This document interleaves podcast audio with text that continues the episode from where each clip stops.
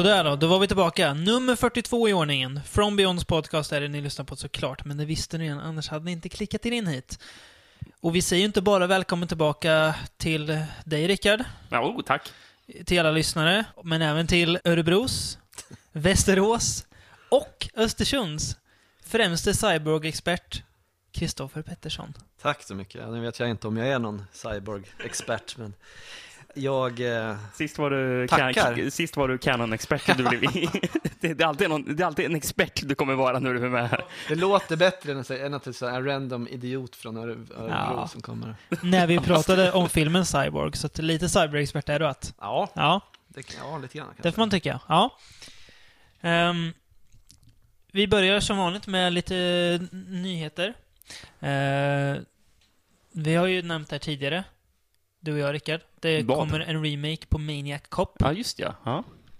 Det är ju Ehm, häftigt. Mm, det ja, är skithäftigt. ja. Ja, det kan det vara. Börjar filmas våren 2016. Till vår alltså. Ja. Eh, producerar gör William Lustig. Den gamla... Mm, Som gjorde originalet. Ja, både Maniac och Maniac Cop. Ja, just det. Eh, Ja. och drev ja. Blue Underground ett tag. Eh, och Niklas Winningref, den danske galningen. Ja. Skriven av serieförfattaren Ed Brubaker, som väl har gjort lite allt möjligt. ja, Captain America bland annat. Ja. Ja, just det. Ehm, Har inte han skrivit manus till film också? jo, det har tidigare? han säkert gjort. Det har han tror han säkert gjort gjort. Det är möjligt. Mm. Behöver vi ha en remake på Maniac Cop då? Inte vet jag. Det, det kan väl vara kul. Mm. Det, alltså Robert Cedar kan inte vara med. Det är ju Nej. tråkigt. Han gick ju bort i år, va? Mm. Kanske. Ja, Är det så man uttalar hans namn? Jag vet inte. vi gör vad det. tror, vad tror ni? Ja, Robert Cedar. Cedar. Det låter bra. Ja. Är det Z-D-A-R-R eller? Apostrof, det till och med. Mm. Precis. Eh, nej, men jag tror att det, det blir väl lika tråkigt som det alltid blir med remakes, höll jag på att säga. Nej, men det, alltså, det förstör väl inte liksom originalfilmen, Nej. eller filmerna. Det är, det är alltså tvåan är väl den som egentligen är den, den starka filmen i den filmserien, tycker jag i alla fall. Ettan är inte särskilt bra, tycker inte jag. Jag har, jag har inte sett varken tvåan eller trean. Tvåan ska du se. Badge of Silence, va? Ja, eller, Mm. ja jag kommer inte ihåg vad Med taglinen You have the right to remain silent. Again. Tvåan som jag, jag vet, jag är typ 100% säker på att jag har sagt det tidigare i podden, men som Mm. jag vet att ofta brukar gå på danska TV3. Ja.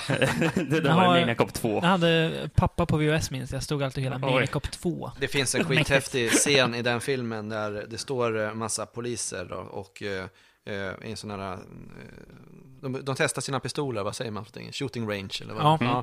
Och så står de där och skjuter allihopa och så kommer då Maniac Cop Mm. från andra hållet, alltså där tavlorna hänger och går skjutandes fram och skjuter ner alla de poliserna. Det är Extremt blodigt och jättecoolt. Sen Ja. har de en, en, en skithäftig raplåt också, kommer jag ihåg, som, som soundtrack. Där de bland annat säger If you shoot him with a Uzi, he jumps up in your jacuzzi. Fan, minns Fan, du det? Kan vi inte, kan vi inte, ja det, det är klart jag kommer ihåg det, det är jättehäftigt. Det är fantastiskt ju. Vi kan lägga in den lite senare kanske. Ja, vi gör på det. Det, är- där har vi Jag, jag har ingen aning om vem det var som rappade in den. Det kände, det lät, jag tror inte det var någon stabil rappare. Det var, det var lite på, det, var- det var ju, alltså Maniac Cop, det är lite street och sådär, så det ville man Ja. ha en raplåt. Ja, det var inte... Nej, men det kan bli spännande. Ehm, särskilt med tanke på vilka kanske främst producerar den. Niklas Winneref känns ju som ett wildcard, så han kan göra lite vad som helst. Och det, ja, men det kan nog bli något. Men vem ska regissera den då? Det tror jag inte är bestämt. Nej, eller så okej. har de inte sagt det. Eller så är det ingen känd, så de känner Jo, men- men- inte att de behöver gå ut med det. Ja, men det var väl någon namn som stod? Nej, inte vad jag läste nu i alla fall. Eh, Inte vad jag läste nu, Nej, Rickard. okej, ja. Nej, inget som man behöver känna igen. Nej. Behöver, behöver. Nej, det visar sig. Ja, det blir spännande. Börjar filmas till vår. Um, 10 juni 2016, vad, vad gör ni då? Vad har, vad har ni för planer då? Kolla förmodligen på någon konstig film. Kolla på Albert Pune-filmer. Eh, kan ni göra? Ni, ni ska inte gå på bio alltså? Vad är det då? The Conjuring 2 kommer ju då. Jaha, just det. Just det. Aha. Ja, Ja, vad kul, den ska vi gå och se. ja, jippi. Ja, jag kan inte säga att jag är jättepepp. Ehm, Och då gillar jag ändå första Nej, men samtidigt så tyckte jag väl att första var liksom en stabil film, men jag tror väl att Ja. det här kommer också bli en stabil... Men jag, Även- Även, jag är inte sugen mainstream-skräckis. på den, det är det som är Även om bara. inte James Wan styr skeppet. Nej. Han har väl fullt upp med Fast and Furious 8, eller vad det nu blir. Ja. Om man ska göra den. Ja. Vet inte. Men det, blir, säkert. det är Patrick Wilson och det är samma... Wilson och Farmiga är tillbaka, ja. Ja. Mm. Och de är The Warrens. Ja, och de ska ju då utreda något annat fall. Ja. Ja, någonting. Okej. Ja, men jag tycker ju om premissen. De Mm. Mm. utreder fall. Mm. Jag väntar bara när de tar sig fram till Amityville-huset och så Mm. vidare. Såg du Annabelle eller? Ja, jag har sett den. Vad tyckte du då? Ja, jag tyckte väl den var ganska... var ingen bra. Axelrycken. ax- Ja, men alltså jag tyckte väl att det fanns några bra scener i den. Den Ja. bästa scenen var faktiskt i, i mitten när hon då, huvudpersonen, hon som heter Annabelle någonting på riktigt. Ja, Hon åker ner i, till källaren och, eh, och eh, det händer massa, lamporna går sönder då och hissen. djävulen dyker upp. Ja, precis. Ja, det Jag tyckte att det, det här kan ändå Ja. bli ganska schysst. Jo, Men sen så tappar den ju totalt efter det. det Så, blir, den sen är den väldigt, ju väldigt standard. Alltså, fotomässigt snygg och sådär som alltid mainstream-skräck är. Men den är ju en axelryckning av stora mått. Jag måste bara inflika. Det stod ju faktiskt en regissör i nyheten, Mm. High Ems, som har gjort uh, Universal Soldier Reckoning, eller... Ja! Ja, okej. De, Det kommer bli bra. Han, han gjorde de två senaste Universal Vad Soldier. heter han då? Ja. Heter han efternamn, jag vet Ja. inte. Ja. Men, nej precis. För, Han men, kan det där med våld han. Så det, det kan bli våldsamt då som fan. Ja. ja. Låter bra. Vem vill vi ska spela Maniac Cop då, om vi hoppar tillbaka? Vem kan vi tänka oss? En, en, en modern Robert Sidar. Ja du. Har vi någon sån? Nej. Det står still. Jag har faktiskt Nej, jag, jag, jag vet inte vem som skulle kunna passa. Jag tänker att det behöver vara någon ganska stor Mm. person då. Som inte, inte onämnbar har spelat uh, Jason Voorhees i någon film. Kane hade Nej, Behöver inte, inte. Hodder. Det, vore- det, det blir inget kul. Då blir det Nej. överspel. Mm. Nej, jag vet inte. Det, det, är ju, det är ju en kille som, som egentligen har mycket makeup, så egentligen spelar det väl inte så Nej. stor roll vem som spelar. Säger Det, inte så mycket. det som är mer intressant, det är Blir vi väl... någon wrestlare? Ja, Det förmodligen. brukar vi bli så. Ja, precis. The Någon som Rock har- de råd med det? Nej, det har de nog inte. Nej, men det som är mer intressant är vem som ska spela då polisen som börjar utreda Mm. vad som har hänt och sådär. Bruce Campbell-rollen Ja, precis. Ja, För det är ju det som är den intressanta rollen i mm. Kan filmen. spelas av Bruce Campbell, Ja, det vore ju kanske. Alltså, ja, det vore ju mäktigt. Men annars kan du skramla fram någon avdankad Hulk Hogan som kan köra mina kopp. Eh, Då är du nog den enda som står i kön till den filmen, Rickard. Med tanke på var Hulk Hogan är idag. ja, jo. Mm. Ja, nej men Conjuring 2 då. För att hoppa tillbaka igen. Um, behöver vi ha den? Behöver, behöver är ett starkt ord, men Det är väl ganska självklart att den kommer med ja, tanke på att det med tanke på hur, hur bra den första gick, ja. Mm. Ja, det vore konstigt om det inte kommer uppföljare. Liksom. Mm. Det, så är det. Det stör mig inte att den kommer, om Nej. säger så. Sen är det, kommer jag kanske inte springa benen av den, men jag ska nog försöka se den på bio, för att det är Mm. ändå... Jag tror att det är en sån, eftersom det är en sån här jump scares-film förmodligen, Mm. va, så, så är det nog... Kanske kan vara kul på bio. Gör sig bäst på bio, Mm. skulle jag Mm. tro. Kanske något vi kan ha en, en From Beyond-dag och gå och se. ja, för, Mm. Ja, fränt, fränt. Eh, två trailers har vi sett. Ja, just De det. två jag hittade som verkar intressanta. Vi börjar med eh, Kannibalvästern. Bone, Bone Tomahawk. Tomahawk, ja. Med AKA-titeln då, som jag har bestämt. Eh, Cowboy Holocaust. Kommer den, heta, kommer den heta i typ Finland eller något. I Finland? En kannibalvästern med bland annat Kurt Russell, Patrick Wilson, eh, Richard Arquette. Jenkins, David Arquette, ja. Precis. Eh, han är ju känd för kvalitet. Scream. Ja. Nej, men vad, vad, väl vad gör David Arquette nu för tiden? Förutom Bone Tomahawk då? super rätt hårt tror jag. Ja, det tror jag. Ja, jag tror han gör det. Det var väl därför han skilde sig med Courtney Cox, för han Ah, söp okej, så jävligt. Aha, söp och knarkade rätt hårt. Var de skilda när de spelade in eh, Scream fyra- 4? Scream 4, eller? Ja, eller om det Det var, var där eller i- om de var i skiljastagen då Ja. kanske. Kanske var, då var det brast på något vis. Eh, nej men Bond Tom och Tomahawk såg väl rätt bra ut, eller? Ja, det såg intressant ut. Ja. Den visar ju inte så mycket egentligen Nej, vad, vad den egentligen handlar om. Typ. Nej, det var det jag tänkte också. Eftersom det inte, det, det kanske inte finns någon Red Band-trailer på den, Nej. alltså en, med mera effekter, eller vad man ska säga, våld i, så, så är det svårt att avgöra hur, hur långt den kommer att gå. Mm. Mm. Eh, men alltså, om man ser till hur det fotot såg ut och med skådespelare och sådär, så, så är det ju i alla Mm. fall intressant ut. Mm. Så att det, jag, jag tror det kan bli coolt. Det har blivit lite så western revival nu på, på senare år. Ja, det Salvation. Django, Mm. Hateful Eight snart då. Och den här.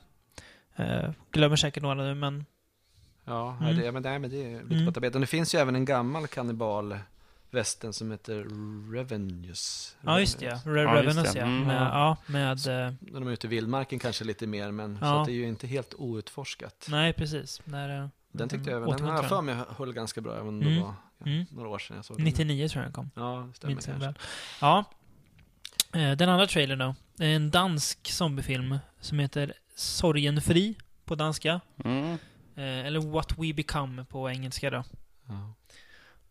Såg ut att vara Typisk, typisk som, zombiefilm. Liksom. typisk. Rickard-film tänkte jag säga. Nej, Jag tyckte det såg helt okej ut. Alltså, jag vet inte. Också svårt att avgöra. Ja. Men, men det, det, kan ju, det såg ut som en väldigt typisk zombie outbreak-film. Ja, Jag blev ju mer sugen på Bonton och Tomahawk. eh, ja, ja jo, måste jag ja. Men eh, man kan ju... Ja, det ser inte dåligt ut, men det Nej, men- skulle väl lite... Ja, jag Ja, vet inte. Hur som helst så är det ju... Jag, jag kände att jag... In- inte jag, jättespännande. Jag, jag kände att jag har sett den här filmen redan. Mm. Mm, Ja, ja, det är men, absolut. eh, Det har man väl gjort i olika tappningar. Det som jag tycker är kul det är väl egentligen att det kommer genrefilm från Skandinavien. Det är väl det som, Ja. är, Mm. som är det roligaste. Och sen om det, hur, hur bra eller dåligt det än är så eh, förhoppningsvis så får finansiärer upp ögonen och så Ja, kommer men, det mer. Alltså, det så trailern visar ju inte något originellt. Man får ju hoppas på att filmen kanske bjuder på något mer originellt. I Den- alltså i just den typen Den börjar ju bra med sån här dansk, eh, vad heter det, nursery, barnvisa. Så här vagg, vaggvisa. Något om att skogen var svart och Ja, solen var död. Det, var, det gillar jag. det var stämningsmässigt mäktigt. så Ja. hade den ganska fin ton, även om jag var lite Ja. orolig för DV-foto i den kanske. Så Ja. att det var inte så... Att det var ganska fult foto. Men, men å andra sidan, det, alltså, en, den här typen av film står ju och faller på lite grann hur, hur zombiesarna ser ut och hur effekterna är Mm. och grejer. Mm. Och eftersom det var helt omöjligt att avgöra i den här trailern, eftersom det var bara någon flash på någon Ja. zombie då, eller infekterad eller vad det kan varit. Mm. Så, så behöver man nästan eh, ha lite mer bilder och grejer när man liksom bildar sin uppfattning. Men jag Ja. hoppas de fläskar på rejält alltså. Ja. Var det Det- skoj? Ja. Ja. Se om det blir något av den här svenska Zon 261 eller vad den heter. Ja, just det. Var det den han, vi såg någon eh, kortfilm av, eller? Ja. Ja, Salm 21-regissören är det som ska göra den här då. Salm 21 var ju ingen film som kommer gå till historien som den bästa svenska film som har gjorts direkt. Eh, men eh, ja, vi får se vad det blir av det här. Ja, det kör blir på. av den ens. Ehm, mm. Lite rekommendationer då. Är det Ja, dags för det? Kanske? Det kan vi köra. Eh, du får börja Rickard. Okej. Vad vill du rekommendera idag? Eh, förra veckan var du och jag David på bio och såg en film som heter Sicario. Mm. Eh, nya filmen av Denis Villeneuve. Yes. Som, ja, förra året var det väl kom med filmen Enemy. Mm. Och året innan gjorde Prisoners. Eh, två väldigt Ja. bra och väldigt olika filmer. Ja, olika. Och, och eh, här kommer med en eh, till film som är väldigt olika de två, filmerna jag gjorde innan. Eh, jag vet inte om den kanske delar lite mer likheter med den här filmen Incendies han har gjort innan. Ja, kanske. Jag har Ja. inte sett den Ja. så att jag vet Ja. inte riktigt. Men, men det, det, det, Ja. det kanske stämmer.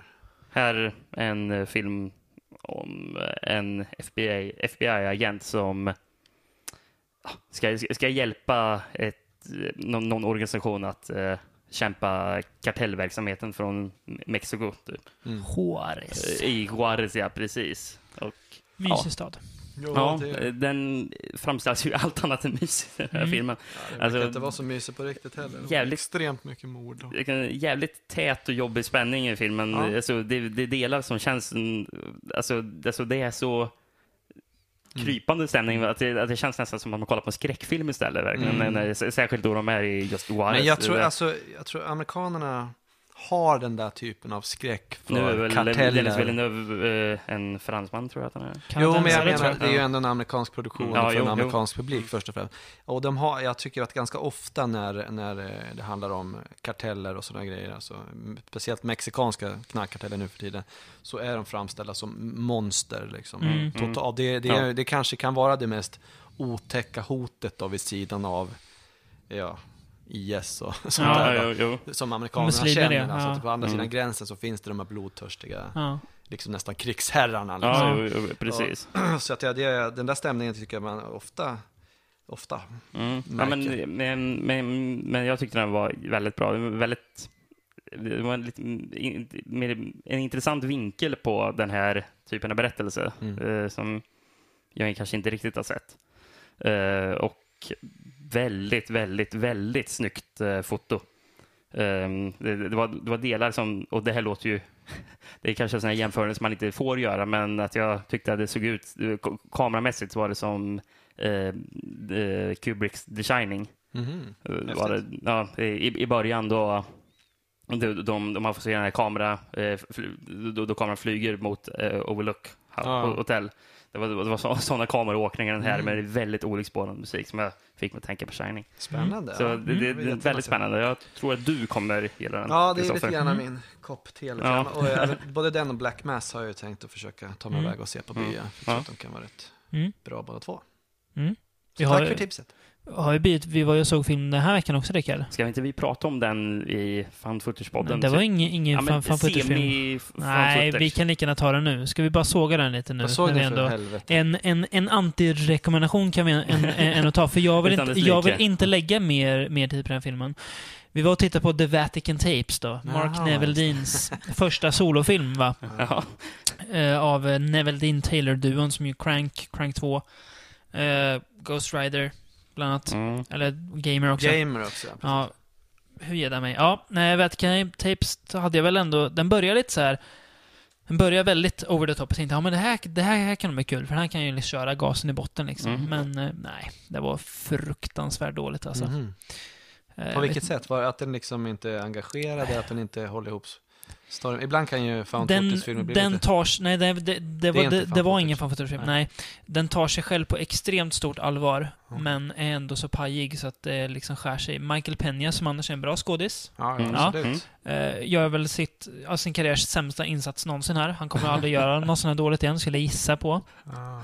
Nej, alltså det är svinkast verkligen. Ja, nej, men det det, det, det, det jag tänkte just med semi-fan footage, för det, de har ju liksom tagit, det, är mycket övervakningskameror och sånt de visar. De blandar och in det för att få den kolla, på gamla eh, band, så, så, så, så, så det känns som att eh, som att det har varit en fan footage-film som den de sen har slängt in Mm. eh, ja, Men det är väl alltså, ganska... alltså, alltså, en vanlig film i liksom. Eh, Så det är mer vanligt än, ja, än jo, found. jo, jo, jo Det men ganska- den delar ju mycket likheter Ja. med found footage-upplägget. Det är väl ganska där- vanligt att modern skräckfilm just eh, in och tallar lite grann på just de här found footage-greppen. Mm. Och det är väl för att det ska kännas som lite mer autentiskt och verklighets...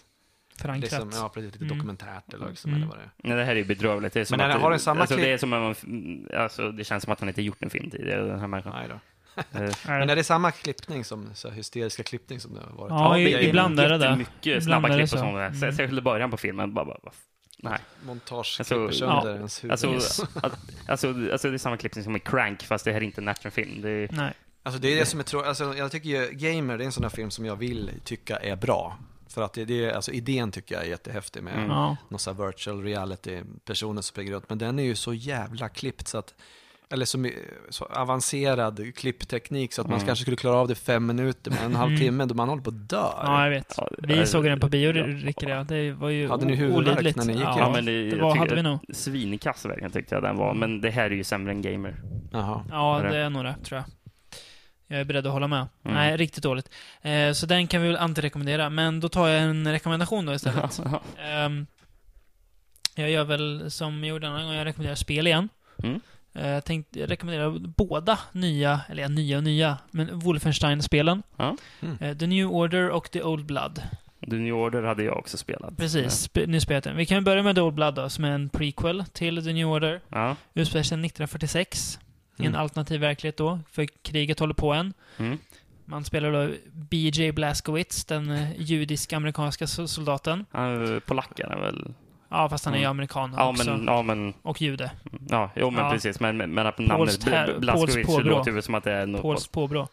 Um, beger sig in i, i Tyskland för att eh, plocka den, jag vet inte vad hon är, men Helga von Schabs heter hon i alla fall, som har börjat rota i, i ockulta saker i staden Wolfburg. Wolfsburg. Så man får slåss mot eh, ja, både gamla zombies och nazi-zombies i Mm. det här. Och det, det är fränt. Det Och sista bossen är en jättestor typ golem eller någonting som de har råkat väcka, som de inte skulle gjort. Mm. Så det var fränt. Och The New Order då, utspelar sig istället 1960 tror jag, Ja, eller på någon 60-talet. Typ där, 60. Okej. Nazisterna vann kriget.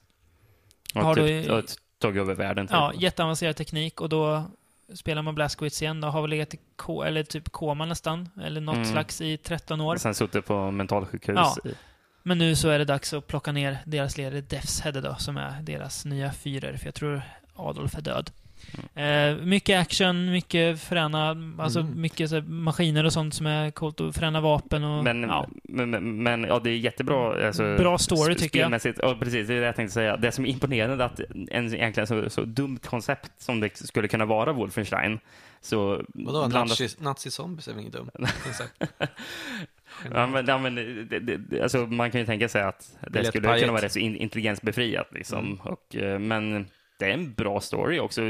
Alltså, bra skriven dialog och så. Jag, Mm. eh, vilket jag inte alls kan begripa egentligen. Nej. Eller, det känns jättekonstigt, men Mm. de har lyckats bra. Mm.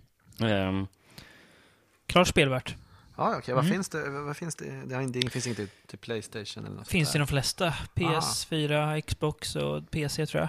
Jaha, Så det är bara att köpa. Ja, det låter Det är coolt. kul. Jag har ju spelat de gamla. Ja, de nya är nog bäst, bättre tror jag. Lite, lite skarpare. Ja, ja, coolt. Ehm, vad har Kristoffer för rekommendation till oss? Ja, eh, jag... Eh, i, I våras så hade jag, jag var lite senare än alla andra tror jag, lyssnade på Serial, podcasten, amerikanska. Mm. Jag vet inte om det är This American Life eller vilka det är. Ja, har det väl från början ja. Ja, precis. ja, det är väl producenter från där. Ja, fantastisk podcast. Och efter jag hade lyssnat klart på de avsnitten som finns av den så ville jag hitta något liknande. Ja. Och, och började eh, leta runt. Och det, det känns som att just den typen av podcast eh, med verkliga, verkliga brott och uppföljning av det och sådär är något som har blivit på tapeten. Ja, Även i Sverige har det ju Ja. droppat några sådana nu på sista. Spår har vi ju och eh, Ja, Fallet. Ja, precis. Som också är hyfsat bra tycker jag. Ja. Utan tvekan. Mm. Men eh, jag hittade ingen liknande amerikansk podcast. Däremot hittade jag en som heter Sword and Scale.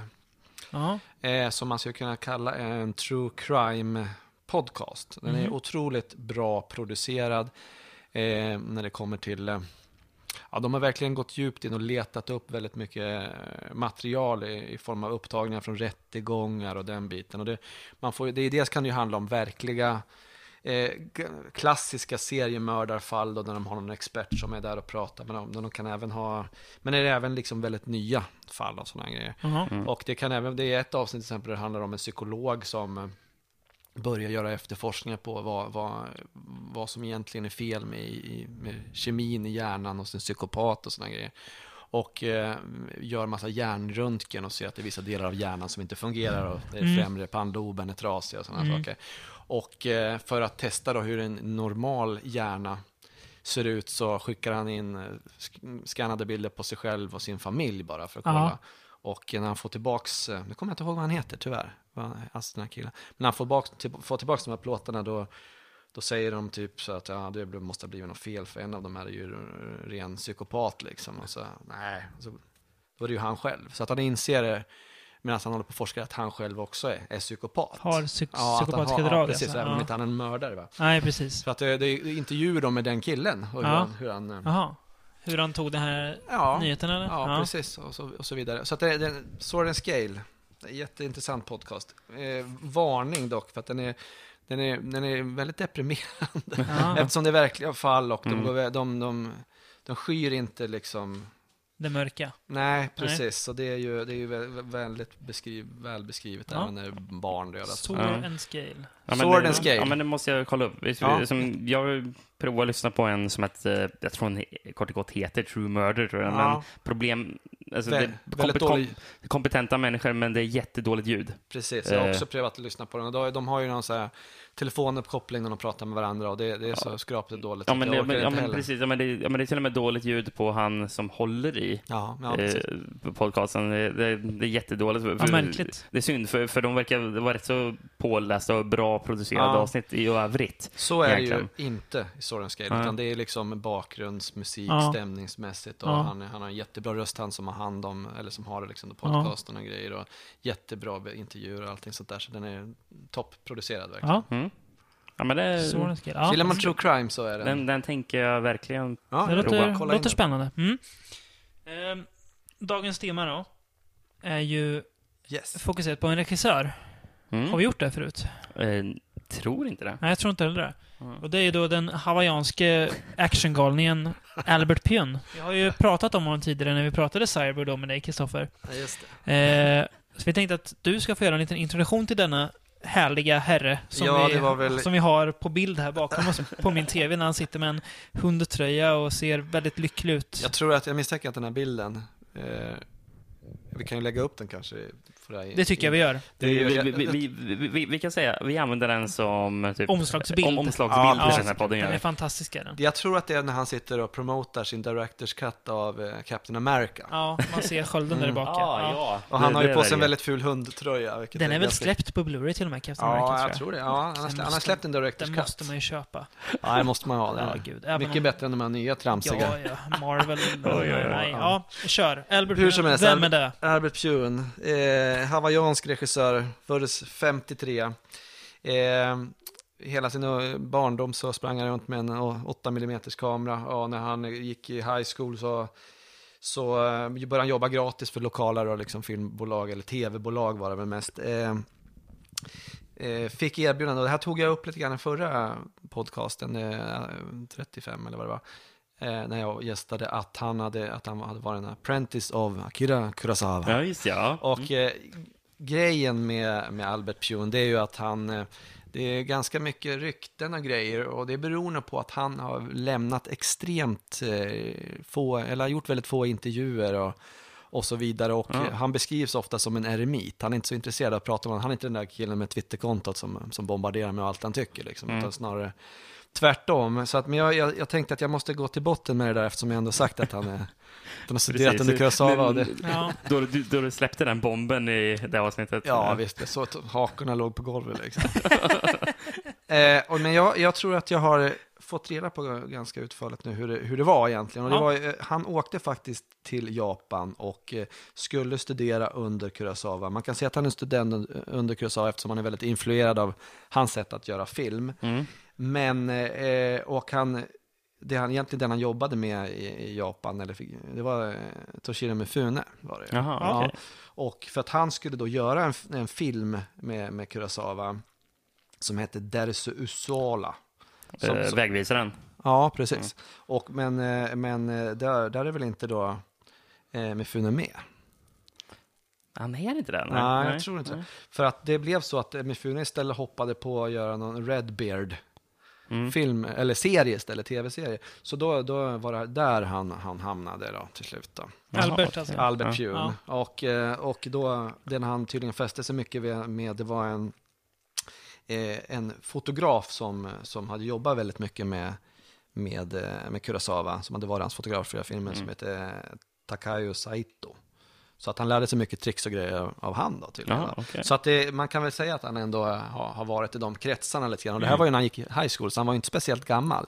Mm. Så han har ju redan under väldigt, väldigt eh, ung ålder varit väldigt determined på att göra, att göra film helt enkelt. Mm. Var hans grej. Han tjatade sig till eh, att få göra Sword and the Sorcerer, som var hans första, första rulle. Eh, 82 har jag för mig. Ja. Gjordes, ja. Och eh, den, den hade han tydligen tjatat om i flera, flera år och så var det något bolag då som nappade på den efter, eh, eftersom det hade börjat, fantasyfilm hade blivit, börjat blivit efterfrågat igen. Eh, kanske mest efter Excalibur. Han säger ju, nu brukar man ju prata om Sword and Sorcerer som att det är liksom en att den är imita, imiterar liksom Conan-rullen med Mm. Arnold. Men han säger själv att Conan var i, i, produktion samtidigt, så att det, så var det inte. Hur som helst så blev det en jättesuccé, Sword and Sorcerer, och eh, eh, budget på 4 miljoner och spelade in 39 miljoner. Så det var, och det är ju fortfarande... Skrev, vet du om han skrev filmen också? Ja, jag tror faktiskt han gjorde det. Jag är inte Ja. helt säker, men, men det var ju... Det är ju hans liksom hjärtebarn hade det varit fram tills... 82, då var han inte ens 30 år ändå. Och Nej, gjorde en sån nej. succé som debut. Det är rätt imponerande. Ja, det tycker säga. jag det är. Och har, jag vet inte om ni har sett filmen. Och den, den, står ju sig, den står ju sig ganska bra som fantasyfilm, alltså från, den här, från tidiga 80-talet. Alltså det är ju ganska lökiga effekter och sådär. Ja. Men det är också, den är väldigt ambitiös. Det är jättemycket bra skådisar. Mm. Eh, Richard Lynch som vi har pratat om Mm. förut, han med Sönderbränta- ja. ja. ja. Han är ju skurk Han även här. som sköt folk i kuken i eh, Mission USA, va? Ja, precis. Ja. precis. Ja, precis. Ja, det, det stämmer. Och Det han, stämmer. han fick ju något till och med pris och grejer för den här rollen. För att Mm. han var Ja, och det är en jätte, jättesuccé. Mm. Hjälten har, kommer att vara ett trebladat svärd, så, här, så han kan skjuta iväg bladen. Oh. Nej, men kolla in. Jag, alltså det är, jag tycker det är lite konstigt att inte den har fått en, en fin restaurerad eh, släpp på Blu-ray och sådär. Mm. För att jag menar, en, en rulle som spelar in alltså 39 miljoner och sen bara glöms bort. För den är ändå ganska glöm, bortglömd. Alltså, både Excalibur och, och Conan är ju filmer som folk Kommer ihåg den idag ja? nämner dagligen. Och, och pratar om. Ja, jo, men mer eller mindre är det så. Ja. Alltså han fick i alla fall, han blev ett namn i alla fall då. Ja, Albert the Punster Pune. Så att han eh, fångades ju upp då, som många andra, av, av Canon. ja. Canon Group då. Under 80-talet. Producer, Mm. Gjorde några filmer till dem. Håll på att bli deras stora nya regissör. Deras eh, Star Kid eller vad man Ja, kalla det. precis, precis. Men eh, det var ju alldeles i sluttampen. Han gjorde ju några filmer åt Mm. dem. Och ja, det, han skulle göra Masters of the Universe 2 och, och, och, så vidare. Och Spider-Man skulle han göra, deras, deras Spider-Man. Men det, Ja, just det, Ja. men den nämnde du ju sist. Ja. Ja. Men det, men det blev ju ingenting, utan det, det resulterade ju i att han gjorde, att han gjorde Cyborg med Jean-Claude Van Damme istället. Ja, före Canon då. Ja, för Canon. och det blev ju en av hans, eh, en av de, en av de stora succéerna där på slutet som Ja. Canon hade. Va? För det spelade ju in 10 miljoner, Mm. för mig. Eh, men sen så kraschade ju Canon-imperiet och eh, han, eh, Albert Puner hamnade ju liksom i, in the wind. Lite i limbo på något vis. Ja, Ett precis. tag. Men eh, hittade sin nisch på något sätt ändå. Fick, och det var väl just där, han gjorde ju en film som heter eh, Kickboxer 2. Ja, Eh, alltså en fortsättning på, på kickboxer. Kickboxer som, som inte han hade regisserat, men Jean-Claude Van Damme också hade gjort för Canon. Mm. Men Van Damme är inte med i Kick- Kickboxer Nej, 2. han är död i den. Utan där är, då är det liksom Jean-Claude Van Dammes, eh, ka, ka, hans karaktärs lillebror, Jaha. som spelar huvudrollen, som spelas av Sasha Mitch, Mitchell. Jag vet inte om du kommer ihåg han, han var med i typ Fem i familjen och såna här grejer. Han var, star, han körde, han var väldigt Det, duktig det, på det, kampsport. det, det är ingen household name om man säger så. Nej, jag kommer inte riktigt ihåg. Han var med i någon tv-serie, sen misshandlade han sin flickvän rejält så att han, han skrev ut sig själv. Ja, det får man ju, ganska duktigt. Ja. Får man ju Men säga. han spelar, och, där, och det, den, den är ganska intressant, Kickboxer 2. För att eh, nu när man tänker på Albert Pune, då tänker man på de här kanske ganska speciella eh, Suborg-filmerna och så Mm. vidare. Ja. Med postapokalyptisk framtid och Suborg. Men, men det här visar att han var också en ganska bra mainstream-regissör. För, för det här är bara en helt vanlig rak eh, kampsportsfilm. Med Peter Boyle, alltså bra skådespelat, allting sådär rakt upp och ner. Och inga konstigheter alls. Men, Vil, men, vilka gjorde den för då? Det var inget särskilt bolag? jag kommer inte ihåg vilket bolag Nej. det var, men det var väl någon som fick köpte rättigheterna till Mm, franchisen. Mm. Eh, eh, ki- kickboxer. då. Och, eh, men på något sätt, jag tror att just filmerna Cyborg och Kickboxer blev de som, som han hän, sen hänvisade till när han sökte liksom ett, ett nytt jobb. Ja, jag har en idé här. Det är Som jag han är- hade på sitt CV det så är att jag som har säga. gjort, ja precis. Jag har gjort Ja. Kickboxer 2 Cyborg och den här filmen kommer bli lite grann som de två. Ja. Eller, eller kanske när pitchsamtalet sa de så här, nej, vi vill att du ska göra någonting som liknar lite mm, mer, eller som ser ut lite grann som Cyborg och Kick- Kickboxer 2. Hur skulle det vara? Då, då kan vi sticka till lite pengar. Ja, För ja, det, det ja. känns ju som att det, de, de filmer han gjorde, speciellt under, under 90-talet, är extremt... Eh, en, en blandning av det är kickboxing och det är Cyborg. Det är liksom Ja, precis. Ja. hans grej. Särskilt en av dem som vi kom, ja. kommer till sen. Precis. Så nu ska, vi, nu ska vi, nu har jag plockat ut sex Mm. filmer var det väl, som, Mm. som vi har kollat på. 90-tals, Ja, bara ju. Ja, Från bara tidigt 90-tal. till mitten av 90-talet är det ju. Ja, ungefär. en Precis. sexårig period ungefär. Mm. precis. Tror vi sträcker oss över. Han har ju gjort ganska mycket filmer och eh, det är ju, de, de spretar ju. Det är ju lite alla Ja. möjliga typer av filmer. På 2000-talet har han gjort ganska extremt mycket Mm. annorlunda. Har du sett någon av hans 2000-talsfilmer? Alltså jag är ju, nej, Nej, nej. jag tror faktiskt inte. Ja, nej. Eh, Jag, nej, nej. Vi får väl, nej. Se om vi någon gång får anledning att, åt, att återkomma till en modernare pion då. Om man säger så här, jag, vill, jag, jag gillar väl Albert Pune kan man Mm. väl säga. Jag tycker han har gjort några riktigt, riktigt bra filmer. Det Mm. jag mer är intresserad av, det är ju eh, den här perioden av tidiga 90-talet Ja. när, när det gjordes en speciell typ av science fiction actionfilm. Det Ja. var ju, om, man ser, om man just pratar om genrefilm så hade ju, sk- skräckfilmen var ju ganska uträknat där egentligen fram tills eh, Scream. Scream, ja Tills precis. Wes Mm. Gjorde Scream. Yes. Och, eh, det gjorde väl att det, det, det efterfrågades en annan typ av, av... Det som var populärt, det var väl mycket de här konstiga science fiction action-rullarna. Med, Ja. med, och det var ju många specialeffektsmakare som jobbade med dem istället. Mm, Då, så mm. det är ju en period där på fem år som Mm. det produceras väldigt, väldigt mycket filmer om cyborger och, och, och framt, olika framtidsscenarier och grejer. Och de är ju idag ganska bortglömda. Ja. De har inte fått eh, några re-releaser av något, något speciellt värde och de är, de är ganska bortglömda helt enkelt. Lite skymundan. Ja, det tycker jag är lite Mm. tråkigt, för kanske, Mm. kanske genom den här podcasten kommer att lyfta fram. Ja. Hoppas jag. Kanske Ja. kan få Albert att, att komma till Sverige till och med. Ja. Nu vill tänka stort, men det måste, man måste få drömma ibland. Tänk om man lyssnar på det. Ja, tänk om. Tänk om. Han From, from håll. podcast, av- avsnitt 53, intervju med Albert Pune. Oj, kanske- stort. han- stort. Han kanske googlar sig själv varje Ja, dag vem och vet? upptäcker det Vem här. vet? Who knows? Så sex Albert-filmer. Ja, precis. Ska vi, ska vi ta oss igenom? Yes. Eh, alla Albert Pujols filmer från den här tiden är inte så lätt att få tag i. Nej. Jag hade gärna velat haft en bra utgåva av hans film Nights. Mm. Men eh, ja, Den är klurig. den är klurig att få Mm. tag i. Så vi hoppas att det kommer i framtiden. Ja. Vi tar en liten paus och återkommer så ger vi oss in på det pjunska spåret helt enkelt. Yes. Spuntastic.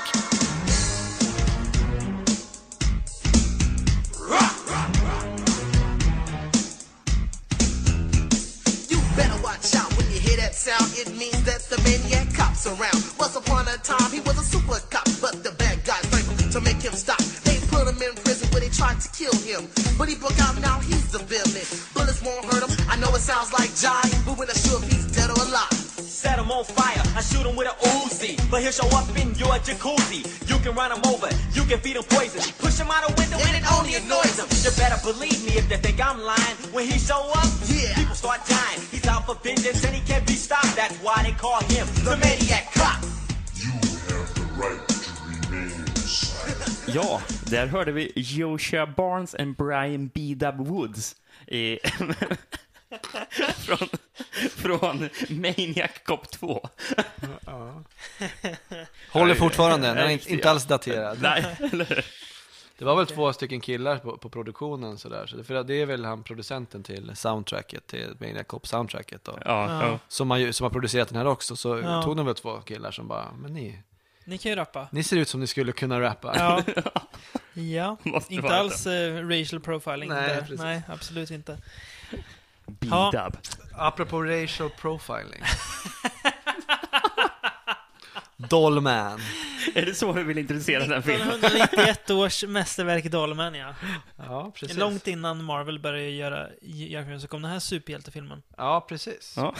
precis. Eh, Albert Pune då, Mm. eh, gjorde den här åt eh, Full Moon, Full Moon, ja. Full Moon Entertainment. Gjorde den eh, back-to-back med Arcade som vi kommer Mm. att prata om lite grann. om. Vill du att jag drar synopsis? Ja, jättegärna. Ja, får ni väl fylla i eller ta bort om något saknas. Brick Bardot Ja, Rick Bardo. Bardo Bardo. är polisen som inte spelar efter reglerna. Efter att ha blivit avstängd från sitt jobb är hans rykte allmänt dåligt. Och han ses som en risk. Låter jävligt klyschigt. Eh, han hamnar sagt- ju i någon, så här, någon gisslansituation där han ju spelar lite efter egna kort, får man Mm. väl min, minst sagt säga. Det kan man säga. Riskerar ju folks liv. Är du säker på att du inte har sett Dirty Harry? samma film, samma upplägg. Ehm, efter lite om och men i alla fall så hamnar Brick på jorden då, efter en dust med sin ärkefiende. Som är någon slags flygande huvud, Han Ja. blir väl det i alla en fall. robot. Ja. Ehm, Vad är han heter? Slug eller Sork eller? ja. Sprug! Sprug, Sprug, så, heter, så heter han ju. Eh, kraschar på jorden med sitt rymdskepp då. Eh, och stöter på ett gäng busar i full färd med att misshandla en tjej. Eh, och då bestämmer sig då Brick för att med sin superpistol som ju fullkomligt demolerar folk på hans planet. Eh, för att gripa in här då. Eh, man märker att pistolen skadar dem ganska allvarligt, men tar inte koll på dem. Nej, han är ju bara 13 inches. Det Yes. kanske jag ska lägga till också. Han är lika stor som en docka. Ja, ja, Det är därför. Och därav pickans kraft också. Och därav titeln Dollman. För att hans Exakt. pistol är ju verkligen hur häftig som helst i, Ja. i hans universum. Det är en Groger Blaster. Craig, vad heter den? Groger Blaster. Groger Blaster. Och liksom det, det är ju... Det är det, ju det, det är en unge som eh, i början på det gisslandramat tror jag, eller Oh, tidigare filmen. Blaster. Ja, han ut- utrymmer eh, eller ropar ut That's a Groger Blaster, the most powerful handgun in the universe. Och det är ju, det är ju en, Och, och, ska jag säga vad han svarar då? Våran huvudroll. That's right, fat boy.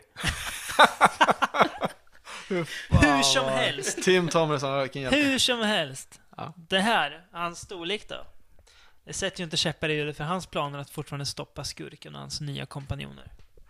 Eller? Nej, precis. precis. Full fan ändå. Ja, Dolmen alltså. Yes. Det är rätt skön film. Jag tycker det är en ganska rolig film. Eh, Ja. Det är ju lite... Det, det, är ju, det känns ju som väldigt mycket en, en, en full moon eh, film faktiskt. Ja, De är, av en anledning så är ju eh, Charles Band, han är ju väldigt fascinerad med, av små saker. Det är ju, det, Dockor, det, är det ska ju vara små... det beror på. Jag vet inte, det är väl någon det läggning han har. För det är ju, det är ju Do- Dollman och även i... Puppet Masters. Ja, förlåt. Ja, precis. Demonic. Toys. Demonic Toys. Demonic Toys också. Ja. Subspecies så är det ju massa så jättesmå figurer. Ginger Deadman är inte stor heller. Evil Bong är inte stor heller.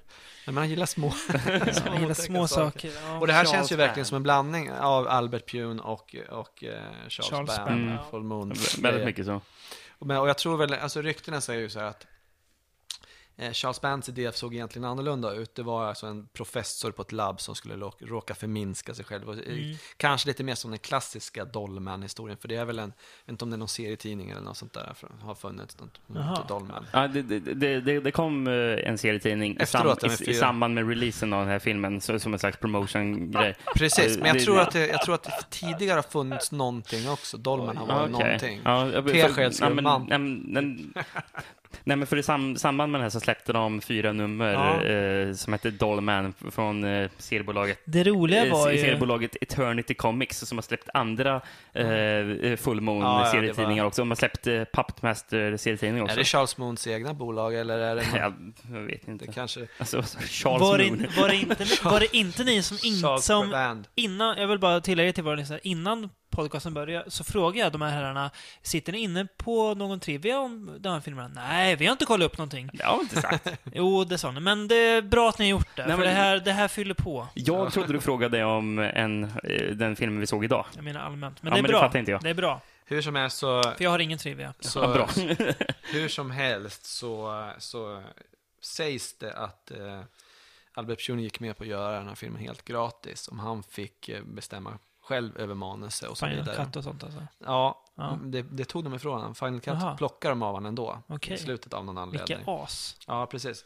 Eh, så att han gjorde ju om det så, och fick den här eh, andra, andra dimensionen, eller andra planeten kanske det är. Ja, så jag tror att det är lite grann hans, eh, hans påhitt. Och jag tycker ju att eh, när han är på den planeten, det är, hans ju, egen ja. det är ju så jävla roligt tycker jag. Ja. Och när han skjuter de här, han skjuter ju två skurkar som, som exploderar. Ja, Det, det är ge- bra går är det. Ja. det, det, Skithäftigt och jätteroligt. Och, och, och det är grejen är att han dör ju inte en av de som sprängs, han ligger kvar och röker Ja. fast han bara är ja, det, det, det är lite så här han får ju en... skruvat. När han går ut där i första gisslans-situationen så ropar ju hans chef en väldigt bra grej till honom, efter honom också.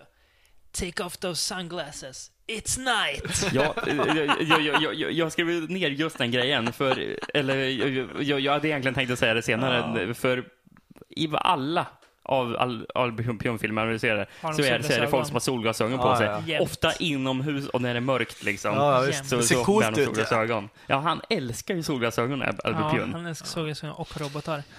Precis. Sen så hamnar han ju, han hamnar ju som du säger på jorden, han hamnar Mm. väl eh, mer bestämt i South Bronx. Mm. Där han börjar hjälpa den här. eh, Jättemärklig klippning när han landar på jorden. Ja. Det blir som en, som en typ musikvideo. Börjar Ja, det är ett det collage. visar lite av brotten liksom som är, eller hur? Jättemärkligt. Jag tror att det här, är- det här måste ju, det är ju tidiga så här MTV-ålder, Ja, så att jag Ja. tror att de vill ha liksom en litet collage. Och de vill ju, eh, filmen för att fånga utspela sig, kidsen liksom. Precis, filmen utspelar sig ju lite grann på, på gatan och det är Mm. South Bronx. Och det Mm. Så det är ju lite musikvideo och så är det ju flera grejer som är loopade kör flera gånger. Det är ju någon Ja. som gör någon rån eller någonting och jag vet inte om man skjuter eller håller upp pistol. alltså, Så de kör flera gånger och Ja, sådär. ja. Och så massa folk där för att sätta liksom då mm, stämningen på miljön Mm. lite grann. För att visa att nu är han in the hood på något sätt. Då. Ja, jag tycker förresten att det är intressant att, eh, att South Bronx Ja. ser likadant ut som hans hemplanet Arcturus. Han är expert Det är- på att är hitta som- locations. Som, som Han är- hänger, de hänger ju på någon, sop, på någon skrottipp. Ja. Och det, ser fan, det, är, det är samma skrottipp på hans hemplanet så, som det är... Den där skrot, skrottippen är ju med lite här och där i filmen. Ja, Alltså. det kommer vi se den ett par gånger Han till. är han ju- själv, Albert? Han, är ju, han, gillar, han har hittat några locations som man, som man Skön gillar att använda om man säger så här. Och, och jag har ju liksom rotat fram de intervjuer med han som finns och han menar väl att det är extremt lätt att jobba med de där, med de där miljöerna liksom och, och man behöver ju inte eh, städa efter sig ens som han, som han sa vid något Mm. tillfälle. Nej, nej. Och att det till Men det, det, det, det är rätt så passande med den här skrottippen också, för det finns ju massor med skrot och stenar i varierande storlek. Ja. Så, så, som då kan ju få olika perspektiv på Precis. Dolmen, att, eh, att han kanske står bredvid en sten som får honom att se liten ut, Ja, men sen precis. så kan de ställa en skådespelare vid en annan sten Ja. och få, därför får den se jättestor ut. Så att Det de hade varit mycket svårare om man skulle stå vid en bil eller någonting Mm, sånt precis, för Ja. då, då måste du ju göra en miniatyr, eller en extremt stor bil för att han ska se liten ut. Men Ja, här precis. har du bara lite skrot så ser han jätteliten ut. Vad, vad, hur tycker ni om effekterna i filmen? Hur tycker ni det funkar att han är liten och, och, Ja, alltså, jag tycker det fungerar helt okej. Tycker jag ändå. gör det. Det är, ju- Ja. det är ju lite char, charmigt liksom. Charmigt B, ja. Ja, Man kan säga så. Men, Det men finns ingenting ju- som är jättefult eller så. Nej. Jag tycker inte... det Ja, funkar. Man ser ju hur de har gjort på många, och det är ju Mm. lite grann som Mm. Full Moon-filmerna brukar vara, att man förstår, ja, okej, okej, det Mm. blir så. Och det är ju ganska, blir ju ganska komiskt när han, han hoppar ut från tredje våningen på, på något hus där och hugger tag i en, i en bil där liksom och Mm. följer efter. Och man ser väldigt, väldigt väl att de har hängt en docka på bilen. Det är skönt. Men Man det, är- gillar det ju är charmigt liksom, Ja, det är det. på något sätt. Någonting som Mm. man behöver nämna tycker jag, det är väl Jackie Earl Haley. Ja. Ja, som, som, en av sina bästa roller. som skurk. Bättre än Watchmen och allt det här. Ja, visst. När, när, han, när, han, när han, han försökte vara Freddy Krueger också där en sväng. Ja, just det. Ja, precis. Ja, mm. Ja, men han, är- jag tycker ju att han lyfter filmen ganska mycket. Han är ju, jag gillar ju Tim Thomerson ganska mycket. Jag tycker han är jäkligt, jäkligt skön. Jag gillar honom här. Jag tycker han är rätt träig faktiskt. Ja, men jag det är det som är skönt med filmen. Jag tycker, jag, jag tycker jag, han tycker han är är en jävligt skön huvud, huvudroll, tycker jag. Tim Han är ja, Fast- precis. Char, charmig är han. Fast charmigt träig. Man kan ju vara träig och charmig Ja, ja. också. Ja, man vet Charmigt alltid träig. vad man, vad man får när, med Mm. Tim Thomerson. Han är ju, han är, ju- han är ju mer de här trans, Transfers-filmerna är väl kanske han mest Mm. känd för. Mm. Där han spelar Jack Death, heter han ju också. Ungefär liknande. Fast, här, fast här, här, är han ju, här är han ju lite mera Dirty Harry-fierad om man Mm. säger så. Han är ju rakt upp och ner Dirty Harry-plockad. Och, Mm. och det, blir ju, det finns ju en scen i filmen som är ganska komisk när han sitter och, han är alltså pytteliten, Mm. sitter bredvid sitt rymdskepp inne, inne hos den här tjejen då. Mm. Eh, eh, som spelas av Kamala Lopez som är med i Mm. Total Recall och sådana grejer. När, och, och sitter och berättar om hur hans familj blev, blev dödad av någon, någon skurk som ville ge tillbaks. Och det, är liksom, det, blir, det, det, blir så skevt när hon är liksom i en vanlig stor människa. Han sitter där som en docka och pratar om de här djupa grejer och, och livet och sådär. Men ändå så har de med. Och jag tycker han levererar det på ett, på ett stelt och coolt sätt. Liksom. Stelt och coolt. Ja, men det är Ja, väl ja. det som fångar Tim Thomerson lite grann. Stel och cool på samma gång. Jag, Liksom. jag, jag, jag tycker mig minnas att han hade ett så eh, bra här slutreplik. eh, Den är när- jättebra nu. Jag, jag, jag har skrivit upp den. Du har skrivit... för- Får jag säga den? Ja, eller, säga eller, det. eller vill du säga den? Nej, men du får säga den, för jag, jag, jag minns den bara för... Ska vi, ska, vi, ska vi avsluta med den så sparar vi bara lite Ja, spara Kan, vi, lite kan vi bara prata lite till om filmen? Ja. Det är ju aldrig bra när skurkar får tag på en dimensionsbomb. Nej, det är inte. Fast det är den, när, dålig idé. Alltså, för att hela filmen så pratar man om att den är ju jättefarlig den här bomben. Men det har man inte riktigt råd att göra någon häftig grej när det Nej, sprängs. för så. när den väl sprängs, det händer Det inte blir så ljust. mycket. Ja, och så, typ, och så försvinner tre, fyra pers. Och sen, Ja. ja, det är det som händer liksom. Nej, det är väl en eh, film som, som slåss med, med sin budget. Ja. Och jag, jag tror väl att lite grann av det som är problemet, det som inte gör att den här filmen ändå är liksom helt fantastisk, det är väl att det... Nej, men på ett, på ett charmigt sätt, det är väl liksom att det är budgetmässiga problem. Nej, men, men inte, inte så som ni menar, för jag gillar verkligen att de hä- man hänger en docka på en bil och kör ja, runt och, och filmar med, med så här split screen och grejer. Men, men, men det är ju vissa scener som är på tok för långa. Mm. När de sitter och pratar och det liksom, de går för, för länge och såna grejer. Det känns som att den, den skulle trimmas ner 10 minuter filmen så skulle Mm. den bli, för att den är, den är lite tråkig i Mm. mitten faktiskt. Mm. Och när det inte är action. Däremot så tycker jag att actionscenerna Mm. Levererar som fan. Mm. Det tycker jag är Det jätte, funkar. Ja. jätteroliga och bra och, och, och tokiga på, på det helt rätt sätt. Liksom, Ja. Faktiskt. Och eh, eh, såg ni förresten Vince Klyn från, eh, från Cyborg? Skurken i Cyborg. Nej. Skurken i Cyberman. Ja, han är med. Han blir skjuten och ligger på något bord där och skriker Jag kan och inte grejer påstå på att jag- Earl Haley. Man har jag tänkt efter. Ja, han är med. Men det är väl lite grann av grejen med, med Albert Pune. Han använder ju Mm. ofta samma skådespelare och har några Det kommer vi favoriter. ju nämna sen. Mm. Ja, det blir Det kanske vi ännu märka. mer, ännu mer efter den här. Mm. Blir det ju. Mm. Absolut. Mm. Eh, men annars tycker jag att det här är, det här är ju en, en, rolig, en rolig film. Liksom. Mm. Precis Mm. som Full brukar vara fräsig. så blir man liksom lite Men- glad över Den det. är, tre, den är trevlig, är Märkte den. ni Dollman. hur, Ja. mycket, hur aktivt de använder ordet fuck mot slutet? De bara, det bara kommer fuck på fuck på fuck. Alltså, ja, det tänkte jag inte på. Men Ja, han drar väl ur, Jackie Earl Haley, Haley drar väl ur någon eh, monolog Ja, när han bara ropar. fuck, fuck. Precis. Eller, eller som man säger, hans, eh, hans karaktärsnamn heter väl Braxton Red. Ja, just det. Eh, Braxton Red. Mycket bra namn. Det är ganska kul just det här med namnet också på... Brick Bardo heter ju Tim Mm. Thomerson. Mm. Brick Bardo är ett namn som dyker upp lite då och då i Albert Punes filmer. Det är bra att du har sån här trivia att du bara kan slänga fram det.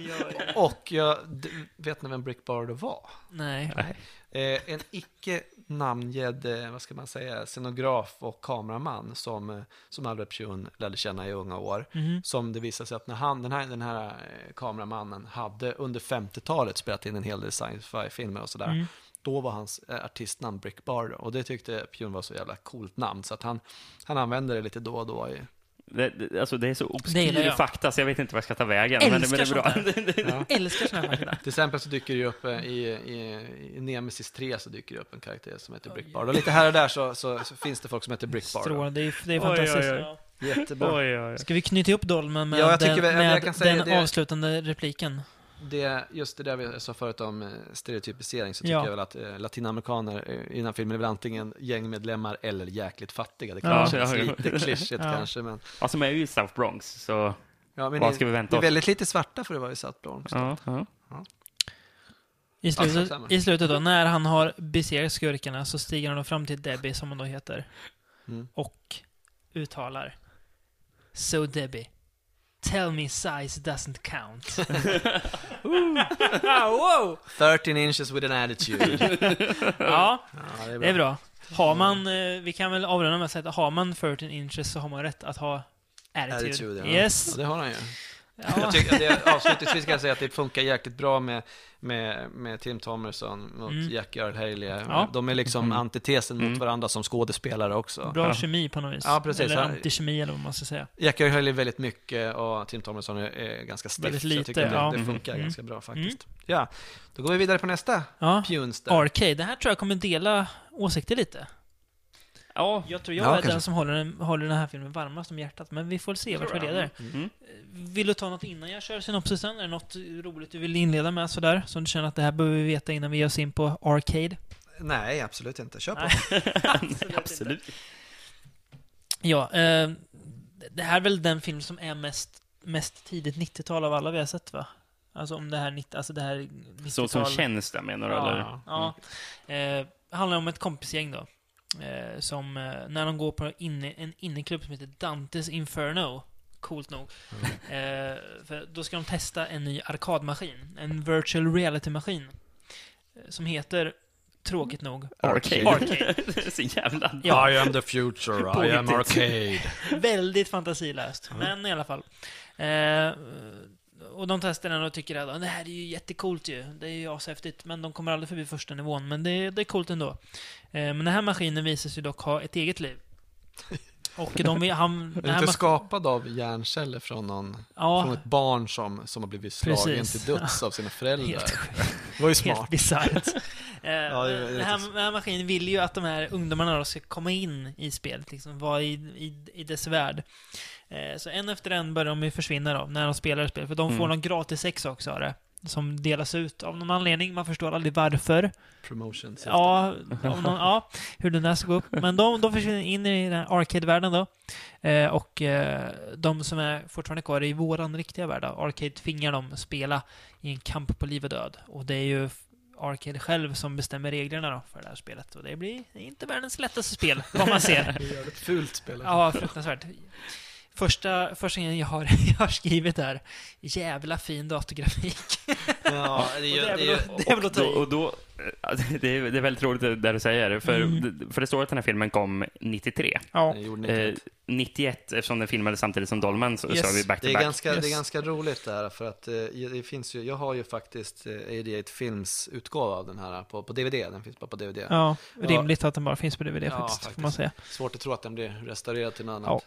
Eh, och där har de ju, för Full Moon, de producerade någonting som heter Videozone som var efter Mm. deras filmer där de liksom hade lite bakom material, kanske Mm. promotade någon ny film som de Mm. skulle släppa och så vidare. Och där, där finns det making of på, på, eh, på Arcade. Mm. Och eh, det som de trodde när de, när de gjorde den här filmen, det var att det skulle vara helt så här eh, groundbreaking, eh, alltså effektmässigt. Och de, det, där finns det också, i, det sitter alltså en specialeffektskille som är något speciellt då, animeringsbolag som sitter Ja. och beskriver hur effekterna ska se ut. Man, man får se när Seth Green och sådär när de håller på och eh, eh, har skateboards de åker på där det liksom är blåa målade däck för att de hade blue screen och de skulle åka framför och grejer.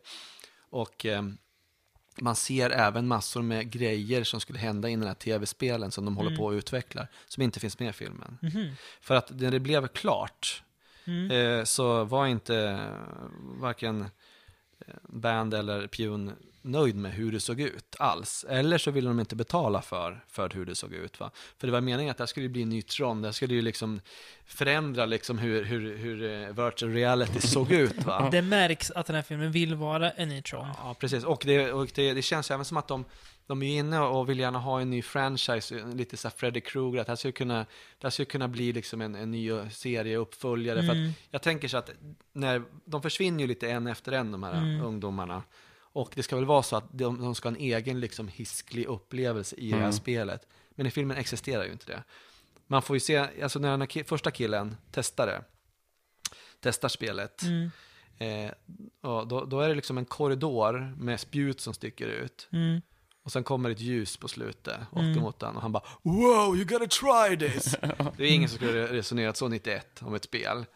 Det, det, det är fruktansvärt och liksom Mm. även flera liksom scener i, i, inne i det här tv-spelet som absolut inte håller för, för fem öre liksom. Nej. Och grejen är ju att han den här killen, det är lite kul, han den här killen eh, som spelar Nick som han heter, Mm. eh, Peter Billingsley heter han. Mm. Han var en av dem som sen tog på sig att göra Effekterna, specialeffekterna. Eh, Peter Billingsley eh, är ju förresten, spelar ju ungen i eh, filmen Death Valley. Ja, just det. Jaha.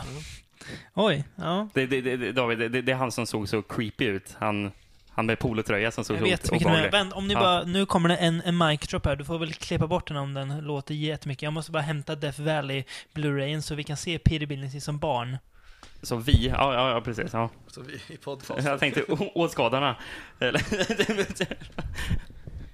Här är han då. Han ser nästan ut som en Barbara-docka på det här omslaget till Death Valley. ja, de som faktiskt lyssnar får väl googla Death Valley eh, cover för Ja, just det. Det är han. Ja. Det stämmer bra. Han är söt. Cowboy, jag tar någon. Här ser vi. i, i, I Arcade så tycker jag han ser ut som en väldigt stor fyraåring också på något sätt. Han, är lite så här ja, tjock. Mm. alltså, han ser jävligt obehaglig Ja, ut tycker jag. pratar otäckt. Beter sig otäckt också, Mm. tycker jag. Lutar sig över folk och du viskar. Ja, Nej, men- nej. nej, men Märklig det- snubbe. Men, nej, men det som är så, så roligt med att de gjorde om effekterna. Ja. är som- Det är väl det som gjorde att den drog ut på tiden. Jag tror- jag tror Eh, att- För, för, för, för, för, för det står, eh, ibland om man kollar upp eh, när filmen släpptes står det 94, Ja, ibland står det vet. 93. Ja. Mars 94 har jag läst att den Ja, släpptes. eh, för den släpptes 94 i USA. Ja, Det är ja, den som är de omgjorda effekterna. Ja, ja. 93 Ja. släpptes den på VHS i Argentina och där är det de, De gamla. gamla effekterna. Shit, den vore ju kul att Finns se. på YouTube. Är det, så- är det så? Gud, det borde man ju kolla in. Eh, den släpptes i Polen med de effekterna också, och Italien och i Tyskland läste jag. Det var säkert fler länder, Ja. men de länderna jag Har ni hittade stod- tittat någonting på de effekterna? Nej, men när jag skulle få tag på den här filmen Ja. så fanns även den alt alltså, Aha. alternativa versionen. ja. Åh herrejösses, Rickard visar en bild nu och det är, jag vet inte vad jag ska säga ens. Nej, det ser fruktansvärt ut. Ja, precis. Och, alltså, det, det var, de var ju uppenbarligen inte nöjda med Det var Jag tror- bra, jag tror det att var nog bra ändå att de alltså- gjorde om så- effekterna. Och, och, och, ja, Den Och var då- bra, men ändå är filmen grisful riktigt nu. Ja, Jag tror att då kanske de kom undan och betala för de effekterna på något sätt. Mm. Eh, jag tror väl att de tog sig vatten över huvudet med den här filmen. Charles Ja. Band är ganska, ganska finurlig, eller hans team är ganska finurlig på att få till effekter. Men just när de skulle gå in i den här dataåldern så, så skärde det sig här. Det, blev, det blev inte vad de, vad de hade Men hoppats. är Men det de har ju inte de praktiska effekterna är här, det utan inte här så är det lite faktiskt... också att eh, ingenting åldras ju så dåligt som teknik på film? Nej, så är det ju. Sen kan det ju Ja. bli charmigt på något sätt. Va? Men jag, Ja. jag tror att så fort man börjar blanda in dataanimeringar, Ja. då, blir det, då är det så snabbt, det blir så snabbt daterat. Mm, Liksom. mm. Eller i alla fall på den här tiden, fram tills nu när man kanske inte ser riktigt vad som är Nej, dataanimerat. precis. riktigt. Exakt. Så, så är det ju. Så blir det ju ett problem. Mm. Eh, Seth Green är med i filmen. Mm. Roligt, eller? Mm. Väldigt 90-talet hår. Megan Ward, ja, ser extremt mycket ut som så post... Post-grunge. Ja, Ja, precis. Ja, precis. Mm. Eh, Eh, sen så tycker väl jag att det som är utanför eh, själva eh, eh, Arcades universum är väl inte helt värdelöst liksom. Det är, väl, det är väl ganska, ganska random, normalt okej liksom sådär. Det är ju inget, inget, ingen några problem med det. Som, det som fattas i filmen det är ju den här häftiga virtuella, virtual world. Jag, Virtual world. jag gillar ju när de är det, för det är så, alltså det är så tackigt så det finns ju inte ord till det. det Ja. alltså, man ser ju också hur, pass, hur missanpassade skådisarna ser ut i den här Ja, världen. Hur de, mm. hur de inte vet hur de ska spela när de är i, Nej, i visst. virtual reality. Och jag älskar ju det, för det är, Det är väl då jag tycker att filmen är som mest alltså. underhållande, då de faktiskt är Ja, där. För det. det som är utanför tycker jag är rätt tråkigt. Det kanske är den tråkigt, Den, men den är det är väl- skönt sunkig är den ju. Men Ja, det är ju eh, en, en, en, en sak som vi måste ta upp, som är väldigt kul, vem, vem som har varit med och skrivit manuset till filmen. David S. Goyer, ja. Ja, just det. Sen jag var med och skrev Dark Knight. Mm. Mm. Mm. Det säger något. Ja, ja, det, det, det säger skulle, något. det skulle vara intressant att veta hur manuset såg ut liksom, från början. Vad det var Ja. de ville ha med, vad, vad som skulle hända in i det här. Liksom, I. TV-spel. Mm. Ja. Alltså, jag tycker ju att eh, det hade varit smartare om de hade gjort som i Brainscan, en betydligt mycket bättre film som ungefär har samma TV, eller tema. ja. Den med Edward, Fur- Edward Furlong. Inte Albert, Pune bakom spakarna. Nej, det är det Nej. ju inte. Men att man, att man eh, även den virtuella världen är, är liksom våran värld då, Ja. inte datanimerad och, och det händer massa konstiga saker. Mm. Ja, Det hade varit smartare ja att ha liksom massa, än, att, än att göra på det här. Ja. På det. Sant. Det, det, det är full. På tycker jag. tal om repliker. Det fanns många bra repliker i, i Dolmen. Det Mm. finns en replik i den här som är... Den är ju fascinerande. Ja. De letar efter, nycklar i, i det här spelet. ja, just det. Och då får de re- reda på någon gång vad den här nyckeln är. Och det är då repliken yttras The keys are the key. Ja, Ja. det var Bra, Oj, oj, bra oj. manuslösning. Ja, verkligen. Norbert Weiser, som vi, som vi se, kommer se flera gånger här i Ja. filmerna framöver, och som jag blir, är en av, av eh, Punes... eh, Såg vi honom i Dolmen också? Nej, jag Tror tror inte han var med. där. Inte där, inte Mm. där. Nej. Men han är ju utvecklaren av Arcade. Alltså Ja, ja, han ja, är ja. programmeraren där Mm, som kommer mm. och ligger och pillar Mm. och berättar Mm. att det, de har skapat av en hjärna Mm. och sådär. Så det, det är ju lite, det är lite Mm. roligt. Annars har inte jag så mycket mer att säga om Men. Tim Thomerson är inte med den här va? Nej, tyvärr. Det hade ju lyft den. Där, eller hur? Det är, på ett sätt är den ju faktiskt före sin tid. Ja, Och det är i början. Ja. Det är något, en, en, något modernt som förekommer då. vadå för någonting? De tar en selfie. Gör de det? Ja, det Jajamän. Med något jättekonstigt Instagram-filter, kan man väl kalla det för. Som vi kallar det för när vi såg filmen. Den är en jätteful filter. De tar en selfie med en polaroidkamera eller något. Eh, och det är klart att folk har tagit selfies innan selfien kom. Ja, det är klart. Men ändå. Det är något. Säger något om den här filmens tidlöshet. Det är en, ja. Nej, precis, precis. Men du, du tycker ändå att den är underhållande och en bra Ja. film? Alltså, du Nej. tycker att den funkar att titta på? Alltså, ja, att det är den kul? är, alltså den är ju, ja, kul. Jag, jag hade kul när, när, när jag såg den. Det hade jag. Och det jag- jag bryts det är liksom väl det jag får ta av- med mig det. Ja, den. Jag bryts liksom sönder av känslan att det inte blev som de ville att det skulle bli. Och att, att det, de, de har slängt in det bara för att Mm. prångla ut filmen till slut. Liksom. Mm. det är rätt kul. Ja, Det är rätt, Ja, det är det är rätt, okej, det rätt man- kul. det får man tycka, Ja. tycker jag. A.G. Langer, såg ni henne? Hon som är lilla tjejen, hon- försvinner lite grann. Hon som sitter och dreglar framför ja, Arcade. just det, ja, just det, just det. ja. Hon Mm. från People Under the Stairs. Jaha, Mm. ja, det visste Det jag är inte. lite Ja. kul. Eh, ska vi gå vidare- vidare med något som, ja, inte, inte lika kul enligt mig i alla fall. Eh, På pappret definit- tycker jag det var Varken jättekul. definitivt mycket roligare, tycker jag. N- Mm. Nemesis. Eller? Vi, vi, vi blir väl det i, i, den- i den här kampen och du och jag blir våra, varandras nemesis. Nemesis är från 1993. Två. Två, 92, 92, 92. Eh, något du vill säga innan, innan vi drar en synopsis på den? Nej, dra synopsis. Ja. Jag tror jag har fått det här rätt nu. Ja. Jag kan ha Det är inte blandat ihop helt det. enkelt. Nej, med tanke på hur, hur, den, hur tvåan presenteras så är jag inte säker, men jag, jag gissar. Den utspelar sig år 2029. Okej. Året Tror- kan tror jag jag. inte säga någonting om, Nej, men jag future, tror det. så- Ja, I- near, future, det är vad jag kan. Ja, typ. i LA. I LA. Eh, och då har vi då eh, Alex som jobbar för LAPD. Eh, och i den här framtiden då som presenteras så är ju såklart vad då? Vanligt? Cyborger. Cyborgs, ja, precis. Och androider. Exakt. Alex är själv en cyborg till viss del. Han har väl lite, Lite implantat, implantat, sådär, ja. i benet bland annat. Eh, han hamnar i eldstrid med ett gäng busar. Där han blir väldigt allvarligt skadad. Uh, sådär Robocop-skadad. Ja. Det leder till att han får en massiv operation där han Yes. blir ännu mer cyborg. Mm. Eh, sen av någon anledning, oklart varför, ni får förklara för mig, så drar han från jobbet och drar till typ Mexiko eller någonting. Ja. Mm, Baja står det. Ja, precis. han drar dit för att typ vila ett tag. Ja, ett halvår eller något. Jag vet inte varför Man han gör det. upp den här Han ska leta upp hon som... Precis. Ja, fast det tar jävligt lång tid för honom att göra det. För, för han säger också att han vill typ recuperate, Mm. vila lite. Det kanske var en förstod ursäkt för att hitta henne. Eller så stöter han bara på henne. Jag vet Fast- inte jag vet riktigt. inte. Fast det tar ett halvår för honom, Rickard. Han Man kanske är dålig på sitt jobb. Ja, det är tydligen kan, han där. kan ju vara det. Men han, han vilar lite och letar upp en brud. Som han mördar rätt fort. Det, det är Han- ju hon som han- skjuter han. från Ja, han början. typ snackar lite, sen, sen skjuter han henne bara. Han ångrar ju sig Ehm. som fan sen. Det var ju dumt. Ja, det är Mm. ju sant. Eh, men sen så blir han typ eh, halv, halvkidnappad av eh, sina överordnade. Farnsworth. Precis. Inkallad för ett specialuppdrag för att ta rätt på lite folk. Ja, Som det- de, alltså- som alltså, det är de ser terror- som ett hot. Ja, precis, de ser ju dem som terrorister. Ja. Gör de, och det här är ju polisen. De stoppar väl in en bomb i han också va? Ja, Yes. ja, ja precis. Han precis ska ju bli en jihadist på något vis. Ja. Eh, och då skickas han till Java, som Rickard trodde var Hawaii när Ja, vi, grejen när är vi pratade. Den, spelat in den, på film, Hawaii. den är Ja, filmad okej. på Hawaii. Ja, okej. Och när jag, jag kollade upp, det stod inte heller att det var Java. Det stod att det var något Shangri-Lun eller någonting. Jo, att, det, Ja, det står det är Java. I filmen står det Java. Aha, så okej. texten kommer upp Java. Det, var, det var så jag visste det. Ja. Ja. Annars är det otydligt. Ja, Det kan jag hålla med som, som jag sen läste synopsis så stod det Shangri-Lun att de var på. Ja, okej. Ja, ja. På Java är han i alla fall. Och inspelat på Hawaii. Ja, Ja.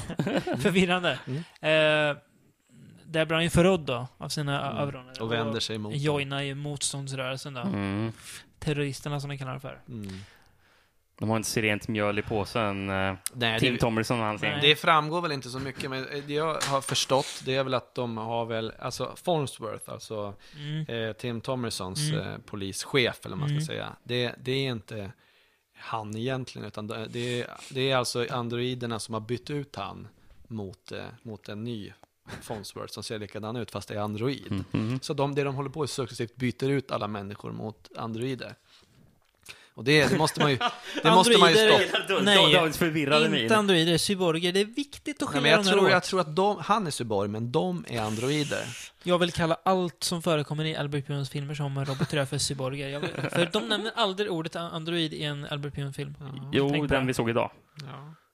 Gjorde de det? Ja. Nej, droids har de bara. Ja, men det är ju förkortning bara på... Ja, men de sa inte ordet android. För att om man är, om man är cyborg, då har man ju liksom en mänsklig hjärna ja. och sådär. Och så är, ja, det är så, på slutet av den här filmen så får man ju se Farnsworth få all, all kropps fett, eller man säger. Ja, att, och då är det ju bara och då är det bara, ett nu är det bara exoskelett liksom. Ja, precis. precis. Nej men, eh, så, ja, och en android är väl just en robot som efterliknar en människa. Ja, precis, precis. Eh, Välkomna till Semantikpodden med Kristoffer, Ja, men- David och Rickard. Cyborgpodden. Ja, men, ja, det är viktigt att vi håller isär begreppen Jag här. vet inte om det är så Nu, viktigt. nu, så här tycker jag om Nemesis. Nemesis är ju den filmen som många brukar omnämna som, som Albert Pyuns eh, bästa film. Oj, oj, oj. Och eh, jag håller väl inte med, jag tycker väl Cyborg är bättre Mm. egentligen. va? Jag Ja, tycker det är den- absolut. Eh, jag tycker det är en otroligt röjig och cool film. Det skjuts nog enormt mycket åt, alla tänkbara håll. Och, och när, när folk träffar på varandra och börjar skjuta så, så är det inte ett par kulor utan det är tusentals liksom, skott. Vi Ja. ser, Alltså, problemet som jag hade här, med, med filmen. Eh, Det, största problemet tror jag var att jag gick in med på tok för höga förväntningar. Jaha, okej. Eh, för jag trodde att det här skulle vara filmen eh, som jag skulle gilla mest. Filmen med stort F, så att säga. Ja, men, ja, men det, det, eftersom, eftersom jag tyckte den var rätt så cool affisch på den och sen så tyckte jag det låter coolt. eh, Ett eh, cyberpunk-tema. Ja. Och problemet är ofta är väl att jag Alltså, alltså jag tycker cyberpunk ofta är intressant på pappret. Ja. Sen så visar det sig kanske inte alltid vara så jättebra när Ja. man eh, väl kommer i kontakt med Men det är, alltså, det är ju först och främst en actionfilm. Och jag tycker att koreografin, actionkoreografin, effekterna när alltså, de här robotarna blir skjutna och liksom, och det börjar gnistra om dem och grejer. Jag tycker det är, jag tycker det är riktigt snyggt och häftigt. Men det känns som att Pune Albert vill lite för mycket, för den är... att- Du sa röjig, absolut, men jag, om vi tar bort det där J och ersätter med ett R, den är väldigt rörig också. Hänger inte med i handlingen riktigt, kan jag inte säga. Det där du, som du sa att jag, jag såg förvirrad ut när Kristoffer satt och berättade Mm. att de bytte ut alla människor. Ja. Det flög ju mig helt över huvudet. och en film som Nemesis ska ju inte flyga över ens huvud. Nej. Den ska ju Alltså, träffa rätt i huvudet. Alltså, jag tror att den här filmen hade kunnat bli bättre om vi främst kanske hade bytt ut en del skådespelare. För sär- särskilt huvudrollen är ju bedrövlig, är han. Gud, ja. Eh, en, en fransk eh, Ska vi- kickboxare. Ska vi gå in på honom lite grann Ja. bara, eller? Han är ju Ja. fruktansvärd. Så monoton människa. han Hans bubblade ju- monologer han drar, det är ju Han har väl lite svårt med språket. Han känns ju... Han, han, lite svårt med språket. han är ju på något sätt, och det har han väl varit hela tiden, han bubblade ju ganska mycket i början på 90-talet och gjorde några så här direkt till video actionrullar och så där. Han, är, han, han känns ju lite grann som Jean-Claude Van Damme light. Han, och det, han kan ju, i andra filmer kanske mer än här så är han ju, han är ju ganska duktig på att slåss då förstås. Annars skulle han aldrig varit med. Nej. Sen är han inte så jättebra på att leverera dial- dialog, men han ser Nej. bra ut, ser cool ut. Jag tycker att han gör det han ska liksom. Mm. Han blir ju överglänst av Tim Thomerson förvisso, Ja, som jo. skurk. Och- Vem, vem blir inte det? Ja, Vem blir inte det? Alltså, alltså det, det finns ju en scen i filmen när eh, den, den här tjejen som han, han, han träffar ju en tjej som är, tillhör motståndsrörelserna där. Mm. Och, eh, Hon med kort hår eller? nej, hon som, nej jag tror hon är, alltså hon som, i alla fall som hamnar i en otroligt stor shootout inne på det här hotellet. Mm. Och när de eh, kommer in och skjutas in, inskjutande genom väggen, eller man säger. Mm. Och de, ja, de skjuter så enormt mycket samtidigt som han skjuter sönder golvet av Oliver Gröner och faller ner Ja. flera våningar. Det som de säger att snoddes en av Underworld-filmerna. Eller filmen, Ja, första filmen, ja. att det liksom är exakt samma scen, att den är inspirerad härifrån. Mm. Och jag, alltså, jag tycker det är så jävla, jävla häftigt. Fortfarande, nu när jag såg om den här filmen, så gjorde jag precis som när jag såg den här när den var ny.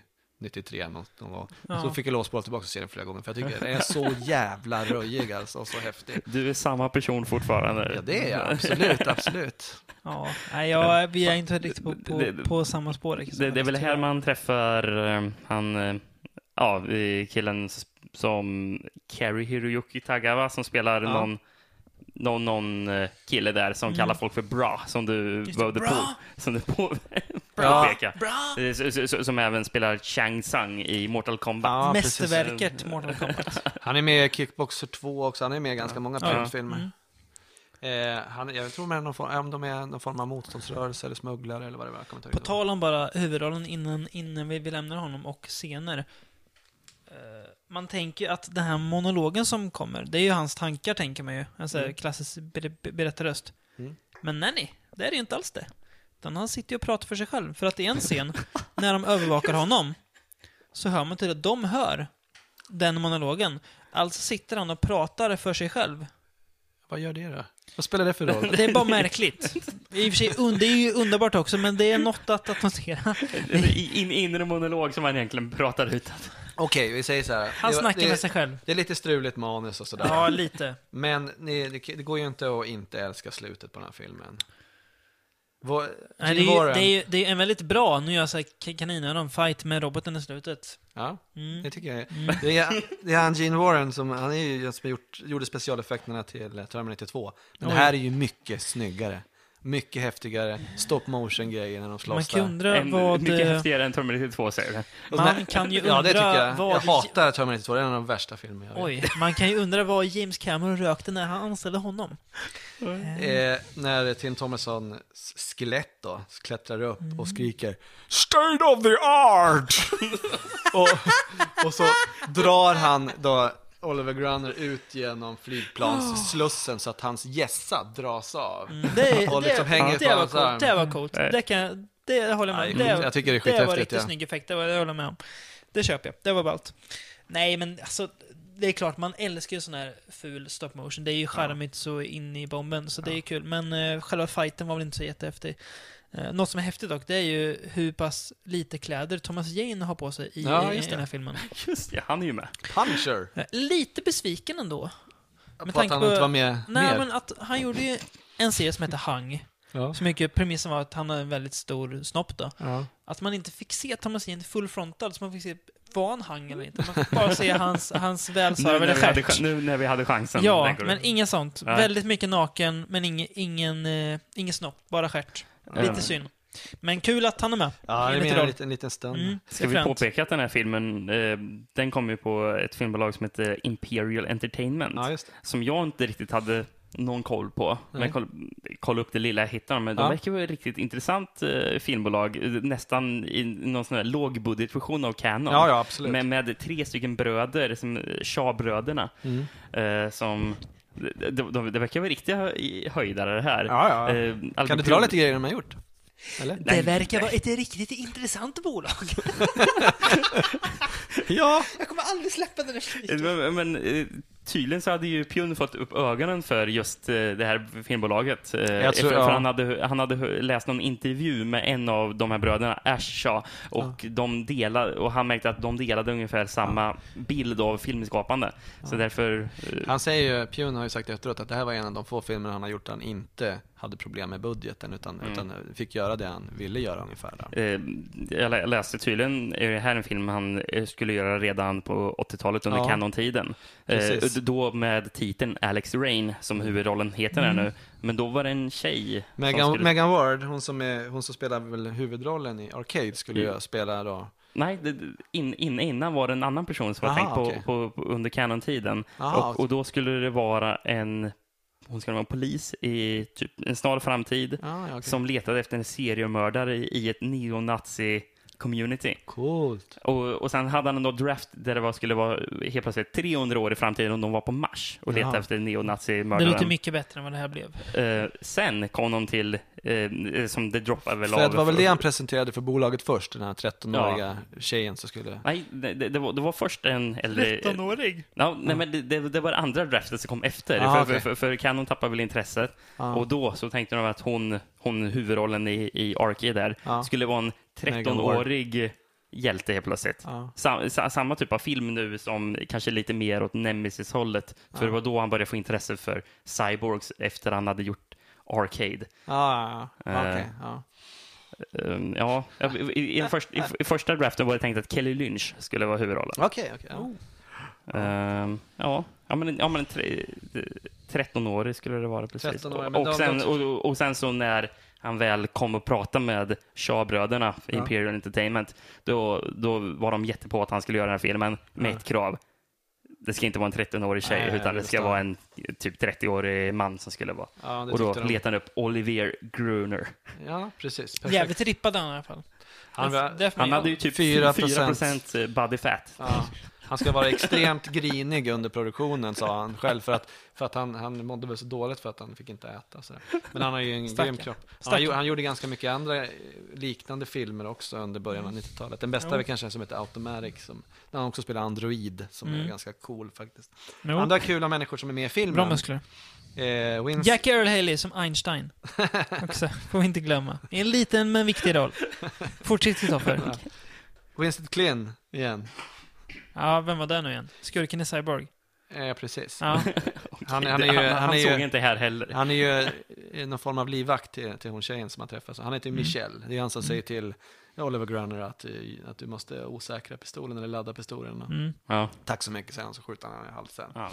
Han är med i en liten, en liten roll. Mm. Brian James med också, som också är med jättemycket i den här typen av filmer. Han, han, som är, han är ju en av rep, eh, vad heter det, replikanterna i, i Blade Runner, kanske ni kommer ihåg. Mm. Han som, som skjuter genom bordet i början av filmen. Eh, han är ju också med i Cyberjack, och Cherry 2000 och Steel Dawn och Scanner Oj. Och jättemycket Ja, sådana grejer. ja, coolt. Han är väldigt eh, science fiction skådis då. Många hamnar ju i det där facket och jag tror att det var några skådespelare som hade varit i riktigt stora sci-fi-filmer innan. Och eh, eh, han var väl en av dem som sen fick fortsätta göra sådana saker. Jag tror att man även kan samma, säga samma sak om Christopher Lambert, Mm. faktiskt. Och eh, även då Rutger Hauer då, som, Mm. eh, som också hamnade lite grann i det här Mm. sci-fi direkt i videofacket. Typecast-helvetet. Ja, precis, precis. Mm. Eh, våra, vi har lite olika men vi tycker lite olika om den här filmen. Jag tycker fortfarande den är en 90-tals klassiker av stora mått. Den duger, gör den. Jag tycker den är Den duger. riktigt- Mm. Lite för rörig för sitt eget bästa. Actionmässigt behöver- som actionmässigt så tycker jag den fungerar Jag tror, att, ändå. Det är- jag tror att David behöver se den ett par, tre gånger till för att liksom känna den riktigt ordentligt. Jag tror inte David orkar se den ett, ett, ett, ett par, par Samma sak som med Cyborg, den växer, detaljerna. Ja, men eh, det enda jag, jag, jag tycker det är synd, för, för som jag ser delar eh, av filmen som gl- glimtar till, som jag känner att det här hade kunnat vara en bättre film om de bara hade ändrat lite grejer i den. Mm. Eh, så, så, så jag ser en högre potential. Om vi säger så här, vad tycker ni är det bästa med filmen? Solbrillorna de har. Jävligt mäktiga. Och det här brungula filtret som den har också. Jävligt Ja. fint. Ja, eh, Och eh, Thomas Janes stjärt. det tar jag med mig. Och sämst, det är... Oliver Sämst är väl, ja, hans, eh, hans monologer. Ja, Jag- ska kalla det för. jag kan säga- Schizofrena utbrott. ett till problem jag har, det är miljöerna. Jag, jag önskar att det hade varit roligare miljöer. Ja, så jag har Eh, skrivit som, så här, eh, som, som jag känner, då, då det ska vara cyberpunk, så då vill jag hellre ha lite, lite häftiga urbana miljöer. eller någonting. Men, men oj, nu, är ute på Jag- landet liksom. jag har ju skrivit så här, coola locations. Du jinx, gud vad du jinxar när du säger sådär med tanke på vad vi snart kommer Ja, in på och miljöer. sant, sant, sant. Du skulle inte tänkt sådär, du jinxade någonting. Ja, det, är, det känns ju som eller- att Ja, jag, jag, jag pratar ju snarare om vad som kommer vara sämre. Albert Pune vill ju, han vill ju egentligen vara, eh, han är ju inspirerad av Philip K. Dick. Mm. Och vill ju göra någonstans, någon blandning av Blade Runner och Mm. Streets Men- of Fire. Ja. Det det Men bara en högre budget hade de kunnat haft Blade Runner-miljöerna och det hade direkt varit mycket häftigare. Än att Och de, bättre skådisar också. En, en, ja, ja, Som precis. kan leverera de här ja, men- djupa men en- replikerna. Men än att de är i, i öknen liksom. Hur, Men man börjar- hur cyberpunk är det? Nej, just Nej. det, men det är ju lite grann, jag tycker det är ganska coolt att de är på Hawaii. Jag tycker det är, det är, ganska, det är ganska Java. coolt i djungeln. Ja, ja. Ja. Ja. Det som, eh, ja, nej men jag, jag, jag gillar ju den här filmen. Mm. Tom Matthews är med, såg ni det? Ja, Ja. Eh, Jasons eh, baneman i Ja. Fredagen 13, Precis. precis. del 6. Min favoritfredag. Också. Ja, just det. Mm. Älskar Tom Matthews. Kung. Ja.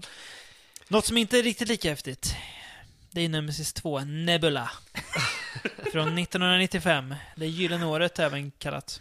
Oj, Vill oj, oj. du köra en liten synopsis på filmen? Vad har hänt sen Den senast? blir Den det liten. går. Den blir liten. Blir Det här är alltså en uppföljare på Nemesis. Det är inte så mycket handling att dra här kanske. Om jag förstår rätt, och det här blir spoiler för slutet av Nemesis, men då Alex Rain dör alltså. Han misslyckas Jag vet med inte att vilken- stoppa cyborgsen. Jag Ja. vet inte vilken version ni såg av Nemesis, för att det finns ju en, en, en senare version som Ja. Albert Pune har, har släppt nu, som, Ja. den som jag har på Där Blu-ray. Farnsworth säger någonting om att let's take him out. Eller vad- Ja, precis. Ja. Där, han, där han det slutar med att, att de sprängs.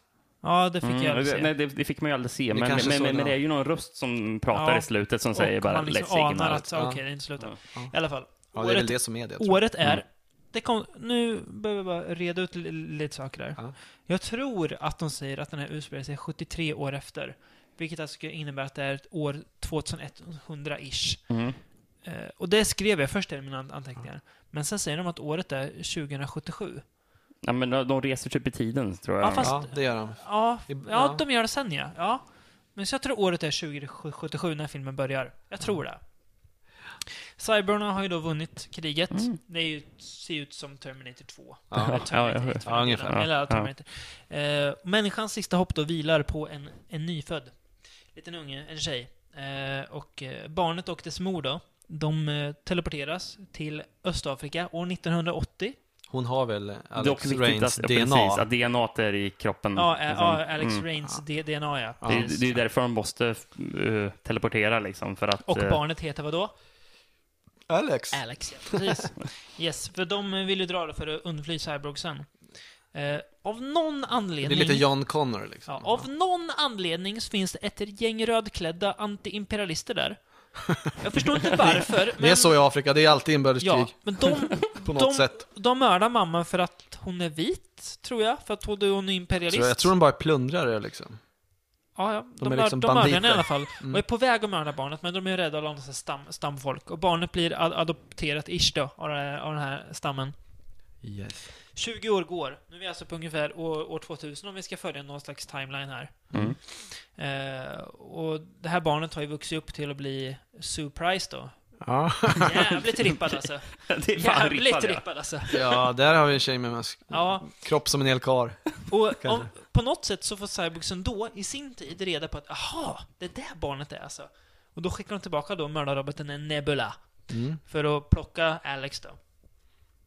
Eh, Men den här lilla flickan, hon är inget barn längre, utan hon är surprised då. Hon är redo att ta fighten. Ja, det Med Nebula. Ja, det är väl Ja. det som finns i Det är väl det filmen handlar om.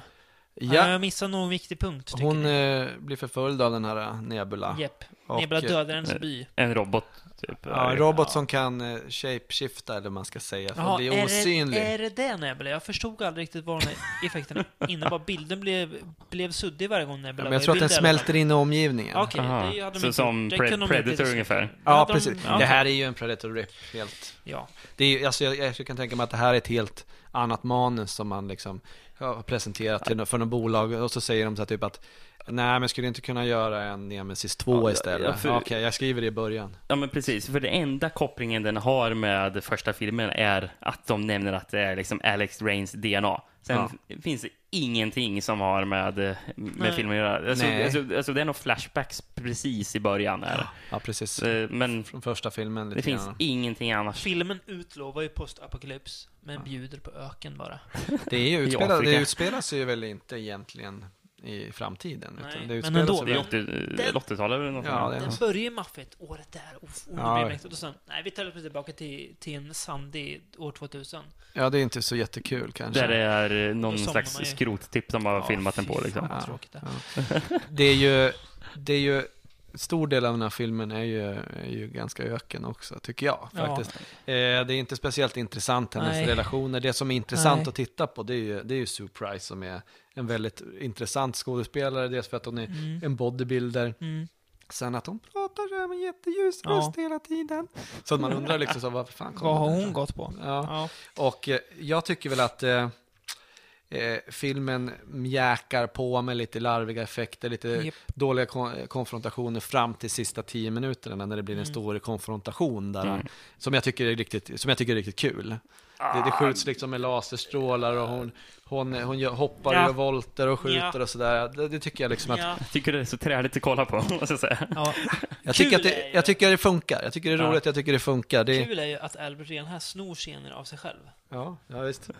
Det här när, eh, från Nemesis 1, när roboten skjuter in en grej i någon byggnad som Alex Rain då ligger i. Det har de ju tagit rakt av här. Ja. Lite, fast bara Från halva början den på scenen. filmen, ja. Bara, ja, det är väl början. Det är väl nästan som bara- en form av tillbakablick. bara själva skottet är med. Ja, just det. Ja, inte vem som skjuter eller vem, vem som beträffar, utan bara själva skottet och explosionen. Det, mär, det är märks kul. väl att det var extremt låg budget i den här filmen. Jo, Det Och- syns, kan ja, vi säga. Ja, ja, det syns. det märks ju också på Alberts oförmåga här att eh, driva fram handling utan att köra på en så här svart skärm med grön text på som måste förklara vad som ska hända.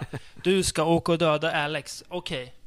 Du hade inte kunnat här, föra fram den handlingen på något annat vis. Du måste vara övertydlig med text liksom. Ja, men annars hade man inte begripit vad som hände. Nej. Nej, men, det är- och, det är och, sen, och sen Nemesis eh, som är en robot då. Mm. Det syns Nebula. tydligt. Ja, just en Nebula som är en robot. Eh, Det syns så tydligt att det är en gummidräkt som Tycker inte går lite omkring. häftigt när, när det där skyddet försvinner och Nej. när de slåss mot varandra? Och, Nej. man- Nej. inte alls. något efter den Inte filmen. det, nej, precis. Alltså, en jävligt, jävligt tycker det är ohäftig film alltså. De här effekterna, alltså... Om Arcade var föråldrad så ska vi inte ens prata om det här. Var, var de här effekterna ens något att ha då? Kan de ha varit det? Ja, Det måste de ha. Folk lär ju tyckt att det här kunde man gjort för... Nej, det är, Många så, år här, sedan. så här var det väl att, eh, alltså Nemesis har ju, är ju ganska aktad bland actionfans tycker jag. Som att folk tycker att det är en rätt cool film. Först alltså. Mm. Den första, Ja. folk blev väldigt besvikna Mm. av tvåan. Och eh, Förstår trean och fyran, det är, det är ännu värre kan jag lova dig. Eh, den, här, den här filmen har jag haft på DVD i typ tio år utan att kolla på den. Jaha. Eh, för det, det har bara blivit, Jag också ja, varför ska jag kolla på det här för? Men det, det är en ty, typisk sån här film man köper på 10 kronor. Ja, men jag har också så här dubbel från Ehm, Scanbox med den mm. här och eh, Brainscan på Oj. samma disk liksom. Eller vad det var, men, men, men, det, men det som är så roligt är att i de här typ tio åren jag haft den på DVD och bara sett omslaget. Jag trodde det var en kille. Ja, jag, jag hade ingen aning om att det, var en, att det var en kvinna som var huvudrollen. Och vilken tjej sen. Fy Ja, fan. visst, Varför ja. fick inte hon en bra karriär? Ja. Hon är ju skitcharmig. Gick ner sig i anabola träsket kanske, jag vet inte. Ja, precis, precis. Kul grej också. Tina att- Cote är med också. Ja, det, det, det är klart hon är. Kul grej att eh, hon pratar ju då, ja, jag vet inte vilket språk hon pratar, Någon, uh, något afrikanskt språk. Eh, men sen helt plötsligt så börjar de prata engelska och då säger de ju det You were born with English. Japp. Det är en bra ma- manuslösning. Ah, Okej, okej, ja, okej, det är bra. Sen tycker jag, så, om ettan var rörig, så tycker jag den här blir rörig för att den har ju någon slags så här typ sidointrig också som den går in på, som är helt onödig, som inte behövs, som stiger från det här Nebula-spåret som bara det känns som att de hade inte nog med speltid för att få upp till de här 1.20 eller vad det nu är. Men, men det, är, alltså, det är nästan ett sånt här scenario där, där det är så lite handling att det blir svårt att förstå vad som händer. Ja, det, det, det- händer inte speciellt mycket. Så här Rolän-handling liksom. Ja, men det, ja, men det, alltså, det, alltså, det, alltså, det är intressant att lite handling kan bli jättesvårt att begripa vad Ja. som Ja, sker men det i händer, det lilla det, händer ju så lite som man börjar tänka på annat. Det är väl det som Ja, är ja. problemet. Ja, ja. Eh, Ja, ändå, jag blir ändå, så, uttråkad när jag kollar på den här filmen. ja, ändå, läget så, ändå så, förutom de sista tio minuterna som är riktigt coola. Nej. Det, ändå så blev det, ö, ändå blev det över så pass mycket. Så att eh, Cyborg 3, där eh, det, är- det är mycket överblivet filmmaterial som används i den. Cyborg 3, jag kan, jag kan ju berätta, jag har ju sett alla fyra nu på rad, kan Ja, man så att säga, oj, innan den här ja. podcasten. Och vi kollar på trailern så här precis innan vi började Hur är in det här. med hjärnan nu då, Kristoffer? Jag, alltså jag har ju till och med, jag har ju köpt dem på Blu-ray, så att det här, jag måste ju titta på dem. Ja, det är klart. Nej, men trean, det är ju, det är ju, där är ju Surprise igen, hon är ju, det fortsätter lite grann på samma spår, fast det blir Mm. extremt mycket mer förvirrad, extremt Mm. mycket fler dåliga, konstiga dataeffekter, jättemycket material som, som återanvänds. Första liksom kanske 20 minuterna, det är mest klipp från, från tvåan. Mm. Och, eh, och sen så är det liksom någon ny, väldigt förvirrande intrid när det kommer två liksom eh, androider, identiska tvilling-android-tjejer från framtiden och, och åker Cyborger. runt och sådär. Ja, cyborger, det är vad vi vill kalla dem. Eh, den, är, den, är, den, är, den är väl ganska förskräcklig kan man väl säga. Sen, så, sen gjorde han ju en fjärde också som, som Ja. tar en helt annan ton. Eh, Just det. Surprise spelar fortfarande samma, samma Alex. Samma Alex, ja. Fast här, den är Alltså, otroligt... Utan de här flätorna i håret. Ja, hon inte, tyvärr har hon inte de här... Hon ser ju rätt cool ut, det måste man ju säga. Ja, ja, absolut. Det kan jag köpa. Det är framtiden och det är, det är en eh, Dark Angel som kommer. Det blir väldigt, väldigt... Som det märks att Albert Pune blev kanske efter 95, att det blir väldigt, väldigt... Han vill klämma in väldigt mycket existentiellt i Men det är. Pune som har Ja. gjort den också? Ja, ja han, han har gjort alla fyra. Och eh, det, den är extremt sleazy, supersleazy. Det är, hon är, sista 20 minuterna är hon typ naken hela tiden. Flera, alltså hon, hon, har, hon är hitman där. Hon, är- hon vill döda då liksom folk ja, och först har hon sex med dem och döda liksom olika robotar. och- Ja, okej. den är, ja. det är ot- Ja. otrolig sleazefest. ja. Men inte så bra. Nej, och det brukar inte vara så mycket sånt i gamla pionfilmen ändå. Nej, Mm. nej det har inte varit Det är ingenting jättemycket. som vi har märkt av i de vi har sett. förutom Thomas Jens rumpa då. Ja, jo. Rätt så. Rätt så Det- En viktig roll. Däremot så i trean så, så är det ju lite bättre skådespelare, tycker jag, som Ja. dyker upp. Mm. Tim Thomerson dyker upp. Ja, ja, det behövs ju. lite sånt. Ja, Det är ju väldigt, en väldigt sökt cliffhanger i tvåan. ja, ja precis. Eh, som till och De med går bara. pitchar Det, det, det för, till och med för en, trean. en Next Nemesis 3. Och det, det känner man ju där att nu kommer de åka till, till liksom framtiden på Men något det gör sätt. de inte. Nej, det börjar med Nej. att hon ligger i en öken. Bara, "Ah, vad är det som har hänt? Och så kommer Tim Thomerson och, ge- och räddar henne. Mhm. Fast, han, fast där heter han ju Fonsworth 2. heter Han. han kommer och räddar henne fast egentligen vill han ta massa tester på henne. Så det är väldigt mycket de Vilken sitter och pratar i en bil. Och Vilken onding. Surprise, hon ska ju inte prata, hon ska ju faktiskt slåss. Det är väl Ja. Det är väl det hon är bäst på. Men hur går det ihop det här Farnsworth 2? För den antar jag utspelar sig före första Nemesis. Nja, alltså det, det, han är ju också tillbaka skickad. i Han är tiden. tillbaka skickad. Ja, han är också... Alltså, Ja. Det kommer ju flera också. Tids. Vi ska nog inte prata timeline här, Rickard. Då blir, då, kan, då blir den här podden för lång för sitt eget bästa, tror jag. Okej, okej, okej. Vi släpper det bara. Ska vi sl- släppa Nemesis, Nemesis 2 och- Nebula överhuvudtaget? Ja. Ge ta den, ge den en solid 3 av 5. Nej, hjärnan är ju lagom mosig nu. Ska vi ladda batterierna bara en kort stund så, så knyter vi upp den här podden Vi sen kan med köra de, de soundtracket två från- sista. Ja, Soundtracket från Nebula. det afrikanskt doftande soundtracket, om man nu får uttrycka sig så. Ganska fint, flashigt.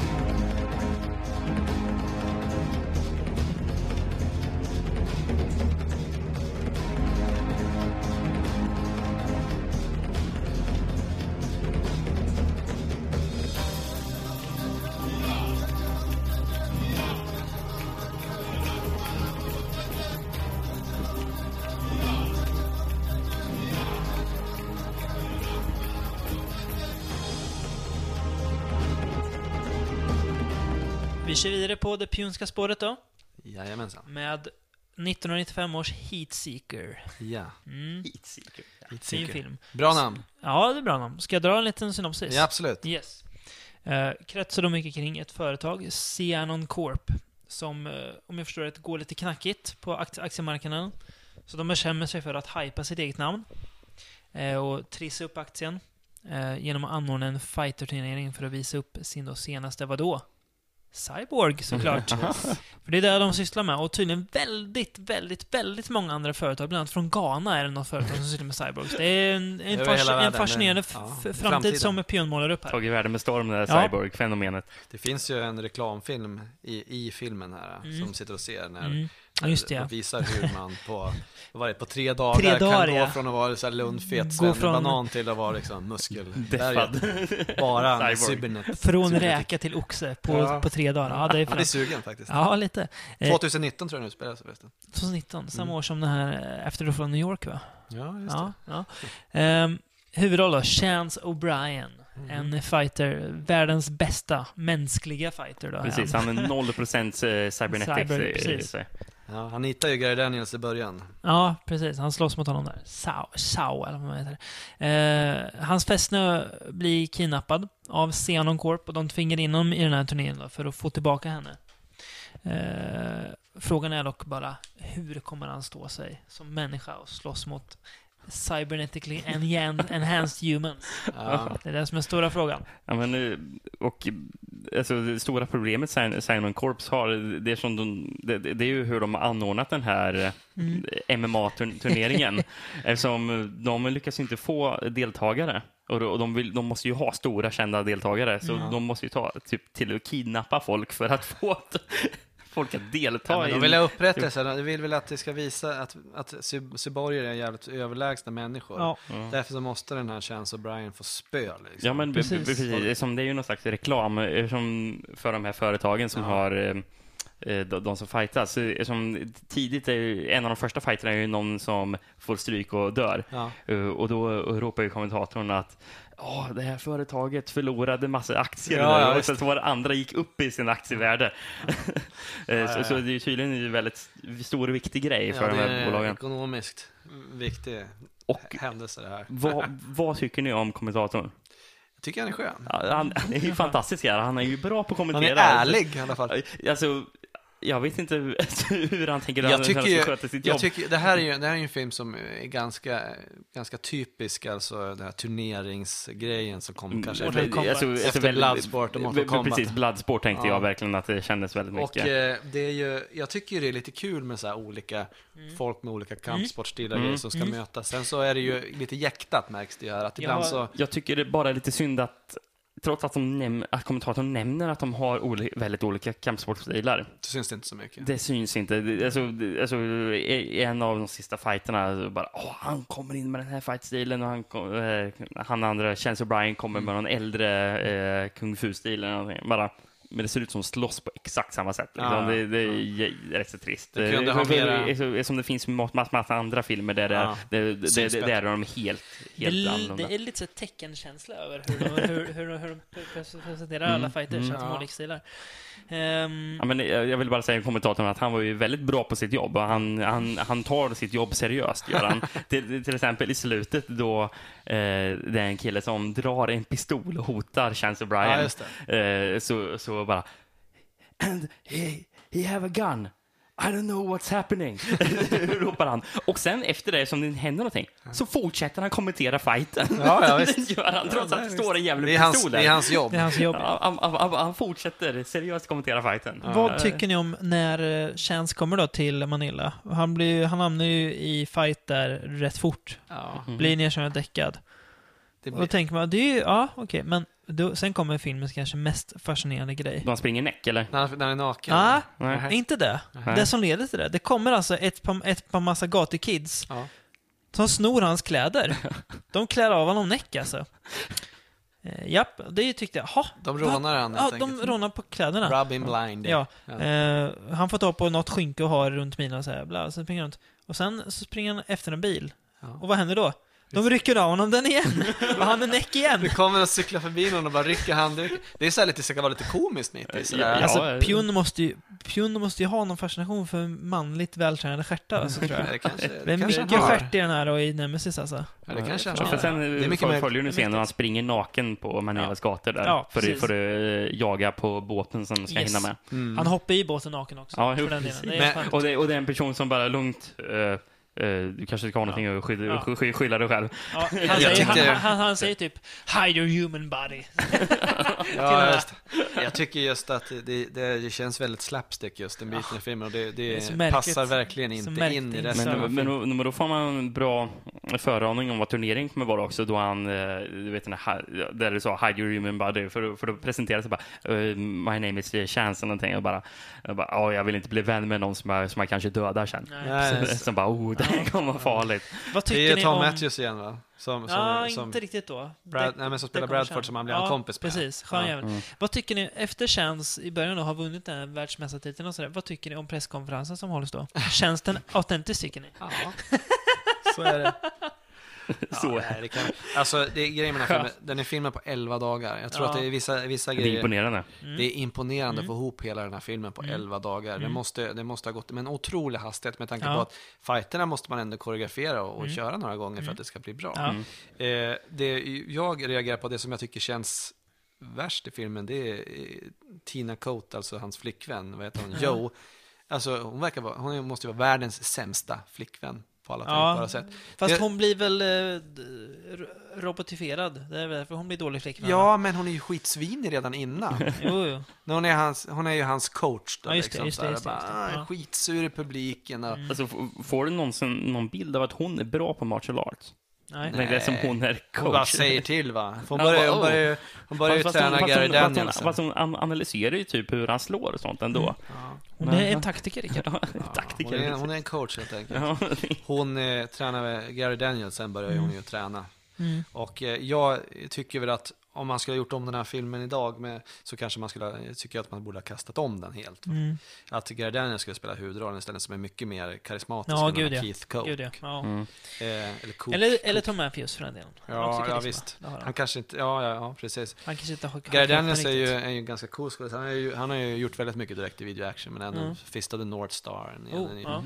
Expendables-rulle är han ju med i, som en second skurk. Ja, Sådär, ja. Så att han, han, är, han, jag gillar ju han, han är ju Mm. australiensare. Mm. Tror jag väl. Och jag tycker väl att de fighterna mellan de två, både i början och slutet, är, är ju rätt, rätt sköna liksom. Mm. Sen så gillar jag ju också, jag gillar grejen med att det är en kampsportsturnering och att det är cyborger. Bara den Mm. tanken Ja, är jävligt rolig. Sen hade de kanske kunnat vara lite mer omänskliga ändå än vad de är. Ja, va? För- precis. Lite för- mer för- övermänskliga kanske Ja, snarare. precis. Ja. För- att de för rör sig fan. jättesnabbt eller... För fan vad dåliga de är, cyborgerna. Och varför har de För knästrumpor? Allihopa knästrumpor förutom människan Ja, alltså. men, ja, men, ja, men, ja, men alltså för att ha, vad, är det max som var tillåtet? Typ 55 procent Ja. cybernetiska implantat som, som säger. För att ha, vara typ halvt mänsklig då. Ja, Jag säger, de är ju rätt så dåliga på de, de, är lik, de är långsamma liksom. Eller så är det Chans som är jävligt bra. Ja, ja, ja, det ja precis. Ja, men det, är liksom, och det, det är någon som kommentatorn nämner bara i häst, eh, cyber speed implants. Ja, så går det inte så snabbt ändå. Ja, men precis. Och, och varenda Ja. gång de säger att de har den här speed implants, det hade kanske räckt, men nej, det är alltid cyber speed. Ja, ja. Super, superduper snabbt. Ja. Vi måste ju nämna, vi kan inte, innan vi hamnar allt för långt ifrån, vi måste prata lite mer om Sign Corp tycker jag. ja.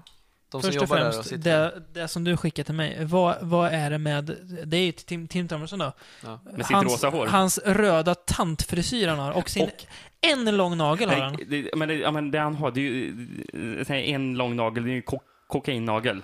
Man kan Jaha. samla ko- koks eh, snabbt med. Sen är det ju Får man se den en då. gång eller? Nej, nej, men det, Nej. det är väl det som det är, typ Jaha. en kokainnagel tror jag det. Sen är det ju framtiden, så att det ska ju se lite speciellt ut. Ja, eh, lite, lite allting- speciellt det är ju bara- ser det är ut som väl- en tant, ja, det gör Ja. Det är väl bara de i filmen som ser lite futuristiska ut då, på Ja. något sätt egentligen. Ja. Eh, Norbert Weiser spelar ju också eh, chefen Måste, vi för... måste prata om Norbert Onova, en scen som Rickard skickade till mig. inomhus. Skickade till mig ett, ett kort klipp på. Har han spelat över så mycket i, sitt liv någon gång? Ja, ja. Satan vad han spelar över. Är Han det- pratar med någon konstig vänta. accent här också. Är det när han eh, försöker övertala Tina Coates karaktär love, love, love! att hon, att hon ska ha sex med Gary Daniels karaktär? vad det nu det.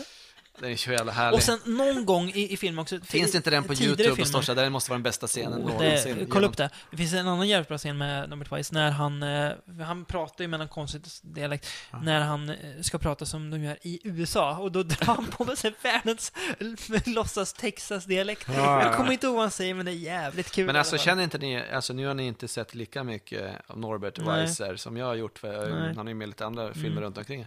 Men känner inte ni att han är en jävligt skön skådis på något sätt alltså? Han ser ut att ha jävligt kul. Ja. Alltså det märks att han gillar ju det här. Alltså Ja. han ser inte, alltså det värsta som finns är ju, som i Nemesis, att när en skådis ser uttråkad ut. Ja. Norbert Weiss, han bara lallar, han bara kör. Han har ju så Ja. kul som ingen människa har haft någonsin liksom. Nej, nej, precis. Och det gillar jag. Han går in.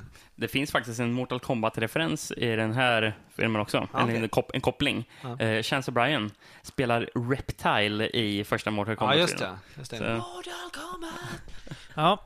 Nej men Ja, hit, det jag, gillar det här. det. här. King of the det Kickboxer, han, han, kickbox, han, är väl, han är väl kickboxare egentligen. Så Ja, ja precis. Den här, den här filmen gillar. Det är nog den bästa vi tar upp på den tycker jag. Du tycker det? Ja, det jag, tyck- jag, Det jag, är ju en jag, ganska- gillar Dolmen mest Nej, faktiskt. den här jäveln Det alltså. är en ganska ren kampsportsfilm ja, egentligen. En skön jävel alltså. Ja, jo, Fin absolut. film, Jag tycker alltså. också, jag tycker också Ja. det är Bra, cool. Hyggligt tempo, bra tempo. Inte så mycket skit, utan det driver på bra liksom. Nej, det är inte så mycket uppfyllnad Nej. direkt, tycker jag det är. Jag tycker också det är jävligt roligt att när, när de förlorar en match så går de sönder. Mm, ja, Alltså, precis. liksom så här, alltid. typ, gång. Då ser man att de är... Ja. Är Lite, tamt slut dock. Alltså bra slutfight, men sen slut, slutet är lite tamt. Han blir bara skjut, skjut, ja nu spoilar vi men Ja, skurken blir bara skjuten och Ja, sen bara, jaha, slut. slut. Ja, okej. För de som tycker det är hemskt att du spoilar Heatseeker. Ja, det, det finns mycket, det finns. Det Eh, finns folk till allt. Fortfarande jävligt imponerad att Pion slängde ihop det på 11 11 dagar. dagar. Det är mäktigt. Vad tyckte ni om namnet på turneringen förresten? The Tournament! Det är väl bra. Det var Det är väl bedrövligt. in, in, tydligt. Ja. Väldigt tydligt. Det är som, det är som, varför göra det svårt? Det är som Brottssyndikatet i Mean Guns, en annan Pion-film som heter The Syndicate. Det är Syndicate. Okej. Albert har mycket fantasi ibland, men där hade han inte så mycket fantasi. Oj, oj, oj. Men det, det funkar. Men det märks ju här också, året är 1995, alltså Mm. alla eh, vill ha cyborger och Mm. eh, kampsport eller kickboxning från, från Pion. Det är det, han, det är det han får göra helt Ja, enkelt. Va? Så det här är väl en typisk av de program. Han har ju ändå, till, till dagens datum har han väl en 55 rullar gjorda liksom. Han har ju gjort en del på 2000-talet också, Mm. men det finns mycket att gräva i på, Mm. på 90-talet av Mm. den här eh, sorten. Va? Mm. Eh, Så det, det, är, det är lite roligt. Ja. Dags att avrunda podden med den sista filmen. Ja. Ja. 1996 har vi kommit till, och då är det filmen med det bästa namnet idag i alla fall. Omega Doom. Omega Doom. Det låter bra. Det Mycket låter bra. som att det låter var en fantastiskt. stenhård film. Eh, mm, det gör det. Ska, har du skrivit någon synopsis på den här? Ja, vi det såg den tillsammans det gjorde, idag. det gjorde jag medan vi, vi såg den. Ska jag dra den så får vi se Jättegärna. hur det låter. Utspelar sig i nutid? Nej. Utspelar sig i dåtid? Nej, den utspelar sig i framtiden! Som de flesta av Albert Pions filmer gör, om inte alla. Eh, råder då krig mellan robotar och människor. Eh, och då ser vi ganska tidigt en robot som heter då Omega Doom. Spelas av Rutger Hauer. Ja, som slåss mot människorna. Men då blir han skjuten i huvudet, bakhuvudet, så hans minne och programmering raderas, får vi veta. Sen hoppar filmen fram i tiden mer, tror jag. Ja, jag Ja. tror det. Ja. Vi vet inte vart människorna är. De lever, vet vi. De gömmer sig någonstans. Eh, flera så olika robotfaktioner slåss mot varandra. Typ. Fast säger de först. Mm. Men sen får vi veta att de har en truce. Så att de slåss inte alls så mycket mot. De, typ, de blir kaxiga med varandra, kan man säga. De har krigat mycket med Ja. varandra tidigare i alla Tydligen har de gjort det. Ja. Ja, Du ser, för det de, ligger ju döda robotar Ja, överallt. och nu är de bara typ tre, fyra kvar i varje gäng, så de måste ha dödat varandra Ja. rätt hårt innan. Ehm, men här hamnar då Omega Doom mitt i den här smeten. Och de här robotarna letar ju då efter någon gömd vapencache eh, som eh, de vill åt för att kunna försvara sig mot människorna som är på väg. Vi vet inte riktigt hur de vet att människorna är på väg. Vi vet inte när människorna kommer. Eller varför de behöver vapnen för att försvara sig mot människorna. Men de behöver det i alla fall. Det får vi veta. Mm. Eh, och Howard spelar då, han eh, ja, spelar ut de här robotfaktionerna mot varandra. Mm.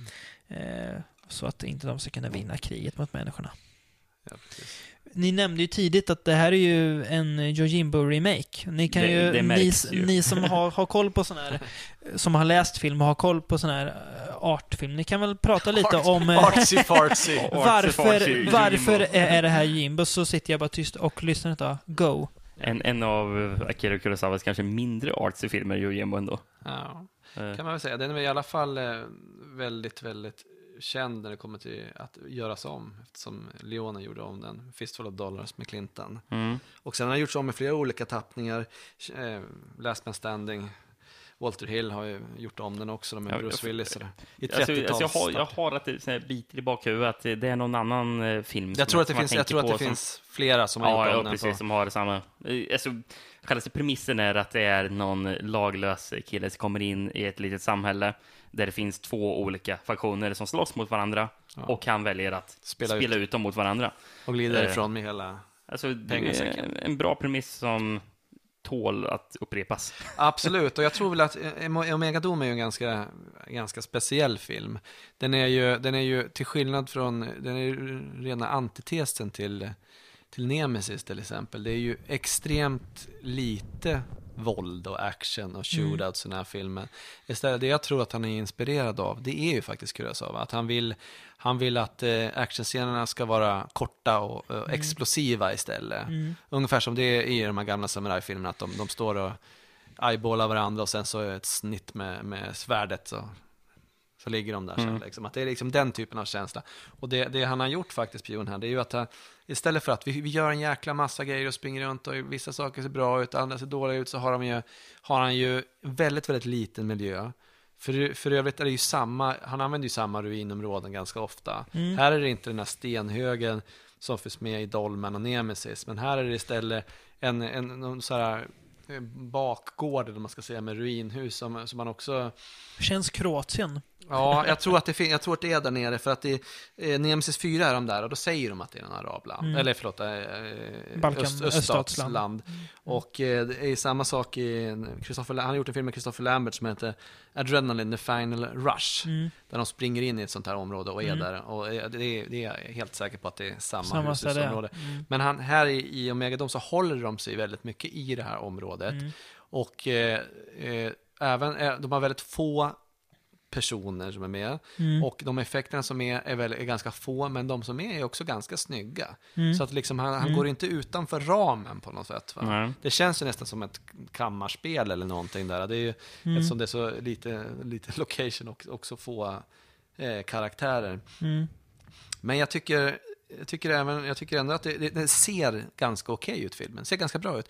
Eh, Det, som, den, det som den faller på kanske är att den är förfärligt pretentiös.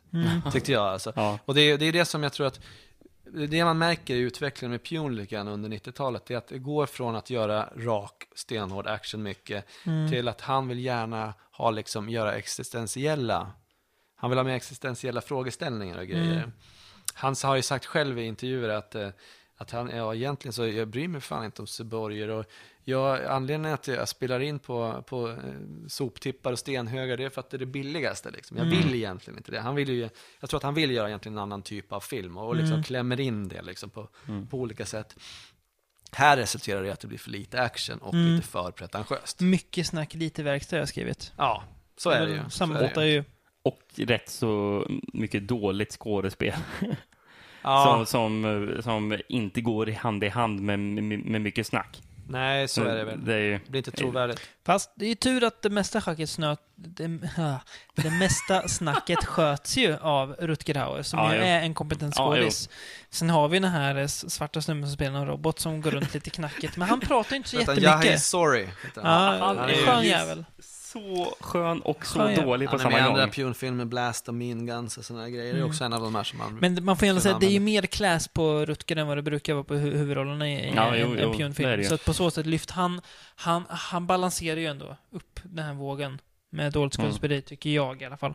Ja. Ja. Eh, Ja, han är ju, Rutger Hauer är ju en klippa. Jag tycker, Mm. det, jag tycker det är lite tråkigt. Att han hamnade i det här facket beror ju, som vi Mm. sa förut, för mycket på Blade grund av Runner. Blade Runner Mm. och han fick ju göra andra filmer liknande Wedlock Mm. och sådana saker. Mm. Men, men jag, tycker ju att han har ju han har inte hämtats upp. Han är, det är en, en, en skådespelare med mycket talang. Tarantino borde plocka upp han liksom, Mm. eller någon, någon liknande. Mm.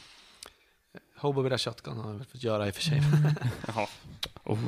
Mm. Eh, sen har vi Tina Cote och, det, och med här också och Norbert Weiser då, som, som vanligt. Som The Head. Ja, precis. Ett huvud som rullar runt och, Mm. ja, och får olika Crackar kroppar lite då. Och, är Och- och- comical och- relief. Ja, precis. För han tror ju att han är med i en helt annan typ av film. Det känns- Han är lite slapstickig. Liksom. Återigen, precis. Norbert Weiss har kul. Ja, ja, Ja. precis. Han spelar ju över allt vad han orkar liksom. Du- Alltså, ja men precis. Slapstick, eh, som du sa. Du, du, du nämnde ju när vi kollade på filmen att det, se- att det kändes som att han trodde att han var med i en Charlie Chaplin-film. Ja. Liksom. Mm. Det- Han fladdrar runt så in i helsike liksom. Och det är ju väldigt kontrast mot, mot speciellt Rutger Hauer. Ja, det är lite- alltså, det är den väldigt seriösa tonen som Ja. filmen annars har. Man får ändå säga att Omega Doom är före sin, sin tid. För att eh, utseendet som Tina Cote har då, det är ju precis så som Trinity ser ut i The Matrix. Ja. ja, Så skäms på er syskonen Wa- Wachowski för att ni inte hyllar Albert Pune mer. ja, precis. Här är Mm. det stuligt. Precis. Ge han lite av era Matrix-miljoner nu. Ja, precis. Kan man göra en riktig precis. eh, Det ska inte bara hyllas William Gibson, utan det ska hyllas Elver Pune. Nej, men är inte det... Gibson kan, gå- kan dra. Ja, men jag menar väl, det var väl det Jag vet. de förmodligen har gjort. Det är det som och är lite typ, grann... ah, typ Akira och Ghost in the Shell, det är väl där de... Ja, jag håller med. Och det är väl det som är lite grann grejen med Albert Pune. Att vi, de flesta vet ju vem man är. De flesta har sett, i alla fall ett, De några. flesta är ju att ta i, men Ja, det pratar jag inte med, kanske, människor i allmänhet. utan de som är filmintresserade då. Liksom Ja. Och han är ju oftast väldigt, väldigt utskrattad. Han, är, Mm. han kallas ju för Ed Wood av nya generationen och allt möjligt sådär. Men han, är alltså, Det är ju att ta i. jag tycker ändå att jag tycker att han är en, en regissör som, trots att han har kanske hamnat i ett dåligt läge ofta, han, han har ju berättat själv att hur, hur tufft det är liksom att, att få liksom göra film överhuvudtaget när Mm. man liksom har ansedd av Hollywood att vara en föredetting då, Mm. som han blev då ganska tidigt. Mm. Så att han, har, han sa, jag tror det var 20 filmer i, la, i, i rad han blev fråntagen Final Cut på, fast han var lovade till att börja. Liksom, pengarna har, har inte kommit, de skulle liksom, det har varit totalt kaos, men han har liksom fortsatt och filmat i alla fall. Han, han, han pratade om den här filmen Thicker, jag vet inte om ni har, eller Ticker, Thicker, ja, eh, om ni har sett den, Tom Seasmore och Steven Seagal och sådana där grejer. Det är en totalt kaos hela filmen. Och eh, det är massa rappare med nas och grejer. Eh, och han säger själv att nej, men de kom ju på att de skulle stoppa in massa ma- filmmaterial som var gjort tidigare i en helt annan stad. Och jag sa, då kan inte jag stå bakom den här filmen. Nej. Så då skiter vi, då får du sparken. Och så gav de ut det, men det är fortfarande Albert namn som står på det. Va? Så det gör att han får ganska dåligt rykte på något sätt. Så jag tror att utvecklingen han har, han har gjort sen på 2000-talet som inte jag riktigt har, har, har följt, va, om jag ska vara helt ärlig. Det är ju att han har blivit mer independent, Mm faktiskt. Mm. det- Men det hade ju varit, alltså, det är ju väldigt teoretiskt, men det hade varit intressant att se en film eh, där Albert Pune hade fått ett riktigt bra manus. Nu är det ju ofta att manus, alltså, han har väl inte riktigt varit med och bland, eh, inblandad i manuset på någon av filmerna vi pratar om. Jo, flera av dem. Jo, då, han har nog... Ja, ja men... ja, Omega men, Doom, Nemesis, Ja, Nemesis 2. ja, men, frågan om- om frågan att- även om man ja, men- har- ja, men- ja, men det är väl inte han som har varit skrivit manuset egentligen? Jo, Det kan det nog vara, men jag tror att... delskrivet i alla Ja, fall. delskrivet. Ja. Men, men, men, men, men, men, men, men jag tänker om vi tänker en filmproduktion där en, en annan manusförfattare, Ja, en, Eh, ja, alltså, en, en- som, en som är duktig på manus. en, ja. en, en, en, en ansedd manusförfattare, Precis. Mm. och ett, ett filmbolag som har velat igenom ordentligt med pengar. som behövs en, är en, en pengar. ordentlig budget som, har- som har kunnat gett honom ordentligt bra med skådespelare. Mm. För problemet ofta är ju att skådespelarna är ju inte bra. Nej, men det är ju, allting handlar ju om budget. Jag tror att även om du har ett bra manus till att börja med, när du inte har råd att göra sakerna i manuset, då måste du göra manuslösningar. Ja, men, ja, men, men, s- sant, men även om du har jättemy- jättehög budget måste du ha ett bra manus att backa upp det, för annars faller ju det korthuset. ja, ja, absolut. Det är det Nej, vi men- gör alla Ja, men, ja, men det hade varit intressant att se ett scenario där alla pusselbitarna hade fallit på plats och se om Albert Pjun hade kunnat leverera utifrån det. Om det hade kunnat bli en kanonfilm. Det, Eller om han är en, en. Paul W.S. Anderson. ja, det, men det, för vet, det vet för vi inte. På, på, man kan säga att Paul W.S. Anderson är ju, eller, eller nu ska jag inte, men om vi tänker, det är väl alltså på något vis Albert Pune-film med mycket pengar. Mm. Ja. Kan vi säga så. Sen säger jag inte att Albert Till exempel hade Mortal Kombat. Då. Ja, Det- det eller, hade- det eller Resident Evil-filmerna för Ja. den delen. Ja, det Jag hade tror, ju jag, kunnat tror, vara jag, tror. Ja. väl, jag tror väl att Pune hade gjort betydligt bättre grejer med Tror de också. pengarna. Det Tror tror jag faktiskt. Mm. Eh, Han har ju lite mer ambition. Ja, han Det har finns ju lite något mer ambition. Mm. Han tänker på ett annat sätt och jag tror att han, är, han, är, han verkar vara en väldigt egen Mm. alltså, person. Och, men det, det känns ju som det finns mycket hjärta ja, Mm. ja, eh, bakom filmerna. Trots Mm. att han har gjort en, alltså massproducerat och gjort väldigt, väldigt mycket film. Ja, Mm. han har väl han har ju försökt jobba och överleva liksom. Det, Mm. det är väl så Mm, det är. precis. Liksom. Som så Men- många Och, och andra. varit och Mm. uträknad men ändå Ja, fortsatt. men det, är- men, med- med många sådana regissörer känns det som att de är in it for, bara för the money. ja, Gör- visst. alltså, jag vet inte om det finns så mycket hjärta i Paul W. Sanderson. Nu, nu kanske det är folk som eh, säger emot mig, men jag får inte Det den är bilden. väl Event Horizon i så fall kanske. Ja, precis. Men det, det är känns inte det. som att, det känns ju som att Albert Pjun är mer en autör än eh, Paul W.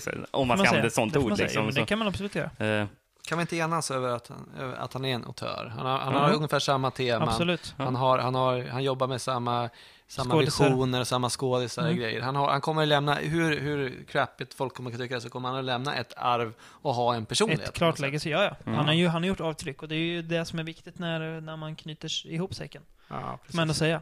Så är det. Något Han har ju. jag kan ju dra lite grejer vad han håller Mm. på med nu, eller vad som Ja. är på väg i, i, i framtiden. Han har Mm.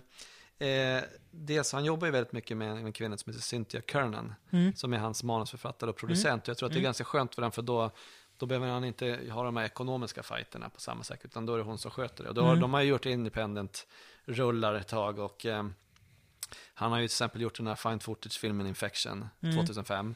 Fem, ja. Ja, som ska vara eh, filmad i en tagning. Jag har inte sett den. Jag att man- Imponerande tidigt gör den för fotofilmen då, får man säga. Ja, Alltså, men om det man, var ju om innan man, trenden kom Ja, igång, precis, Paranormal igång med. Paranormal Activity. ja. Han har gjort eh, uppföljare på eh, Sword and the Sorcerer som heter Tales of Agent Empire. Och eh, eh, nu, det som är på väg, det är Mm. att han ska göra faktiskt en Cyborg Nemesis. Eller han har gjort den, den är, jag tror den är filmad. Men det är så svårt att avgöra med, med informationen som Ja. finns på IMDB och grejer. Jag har också läst att någon har sett en screening typ 2014 på filmen, en tidigt, Mm. utan effekter och grejer. Och, att, och det som, den som, det som, de som ryktas vara med i den är ju Steven Seag, Seagal bland annat. och Sasha Mitchell då från, Mm. Ja. från eh, Kickboxer 2 och, och även Olivier Grunner. Oj. Oj. Ja. Jag, jag hörde också en intervju med han som han gjorde, Olivier. nej, med, Albert. med, med, med Pune, Mm. som han gjorde efter, eh, efter Infection hade släppts då. Mm. Eh, Där han, där han pratar om framtida projekt. Och där har han också, eh, eh, han vill göra en film om Napoleon. han, är också, han var också, i den, eh, i den eh, intervjun var han väldigt övertygad om att Jean-Claude Van Damme skulle passa jättebra att spela Napoleon. Och han skulle också vara väldigt intresserad av att spela rollen. Så, sen, är- och kollar man på IMDB så är det, står det så här, filmen. pre-production Napoleon. Vi håller tummarna. Det måste ju bli fan, med av. Van Damme. Det vore Vi ju, håller tummarna. det, gud, Finns det något bättre sätt att, att sätta punkt på än med det? nej, jag tror Jag inte tror det. inte det. Jag, jag skulle vilja av, överrunda med att säga, om jag hade haft hutlöst mycket pengar, var rik som ett troll, då hade jag Albert skjuta, en stor budget till Albert Pjun. Albert Punes Napoleon. Ja, absolut. Vi Ja. håller tummarna för det.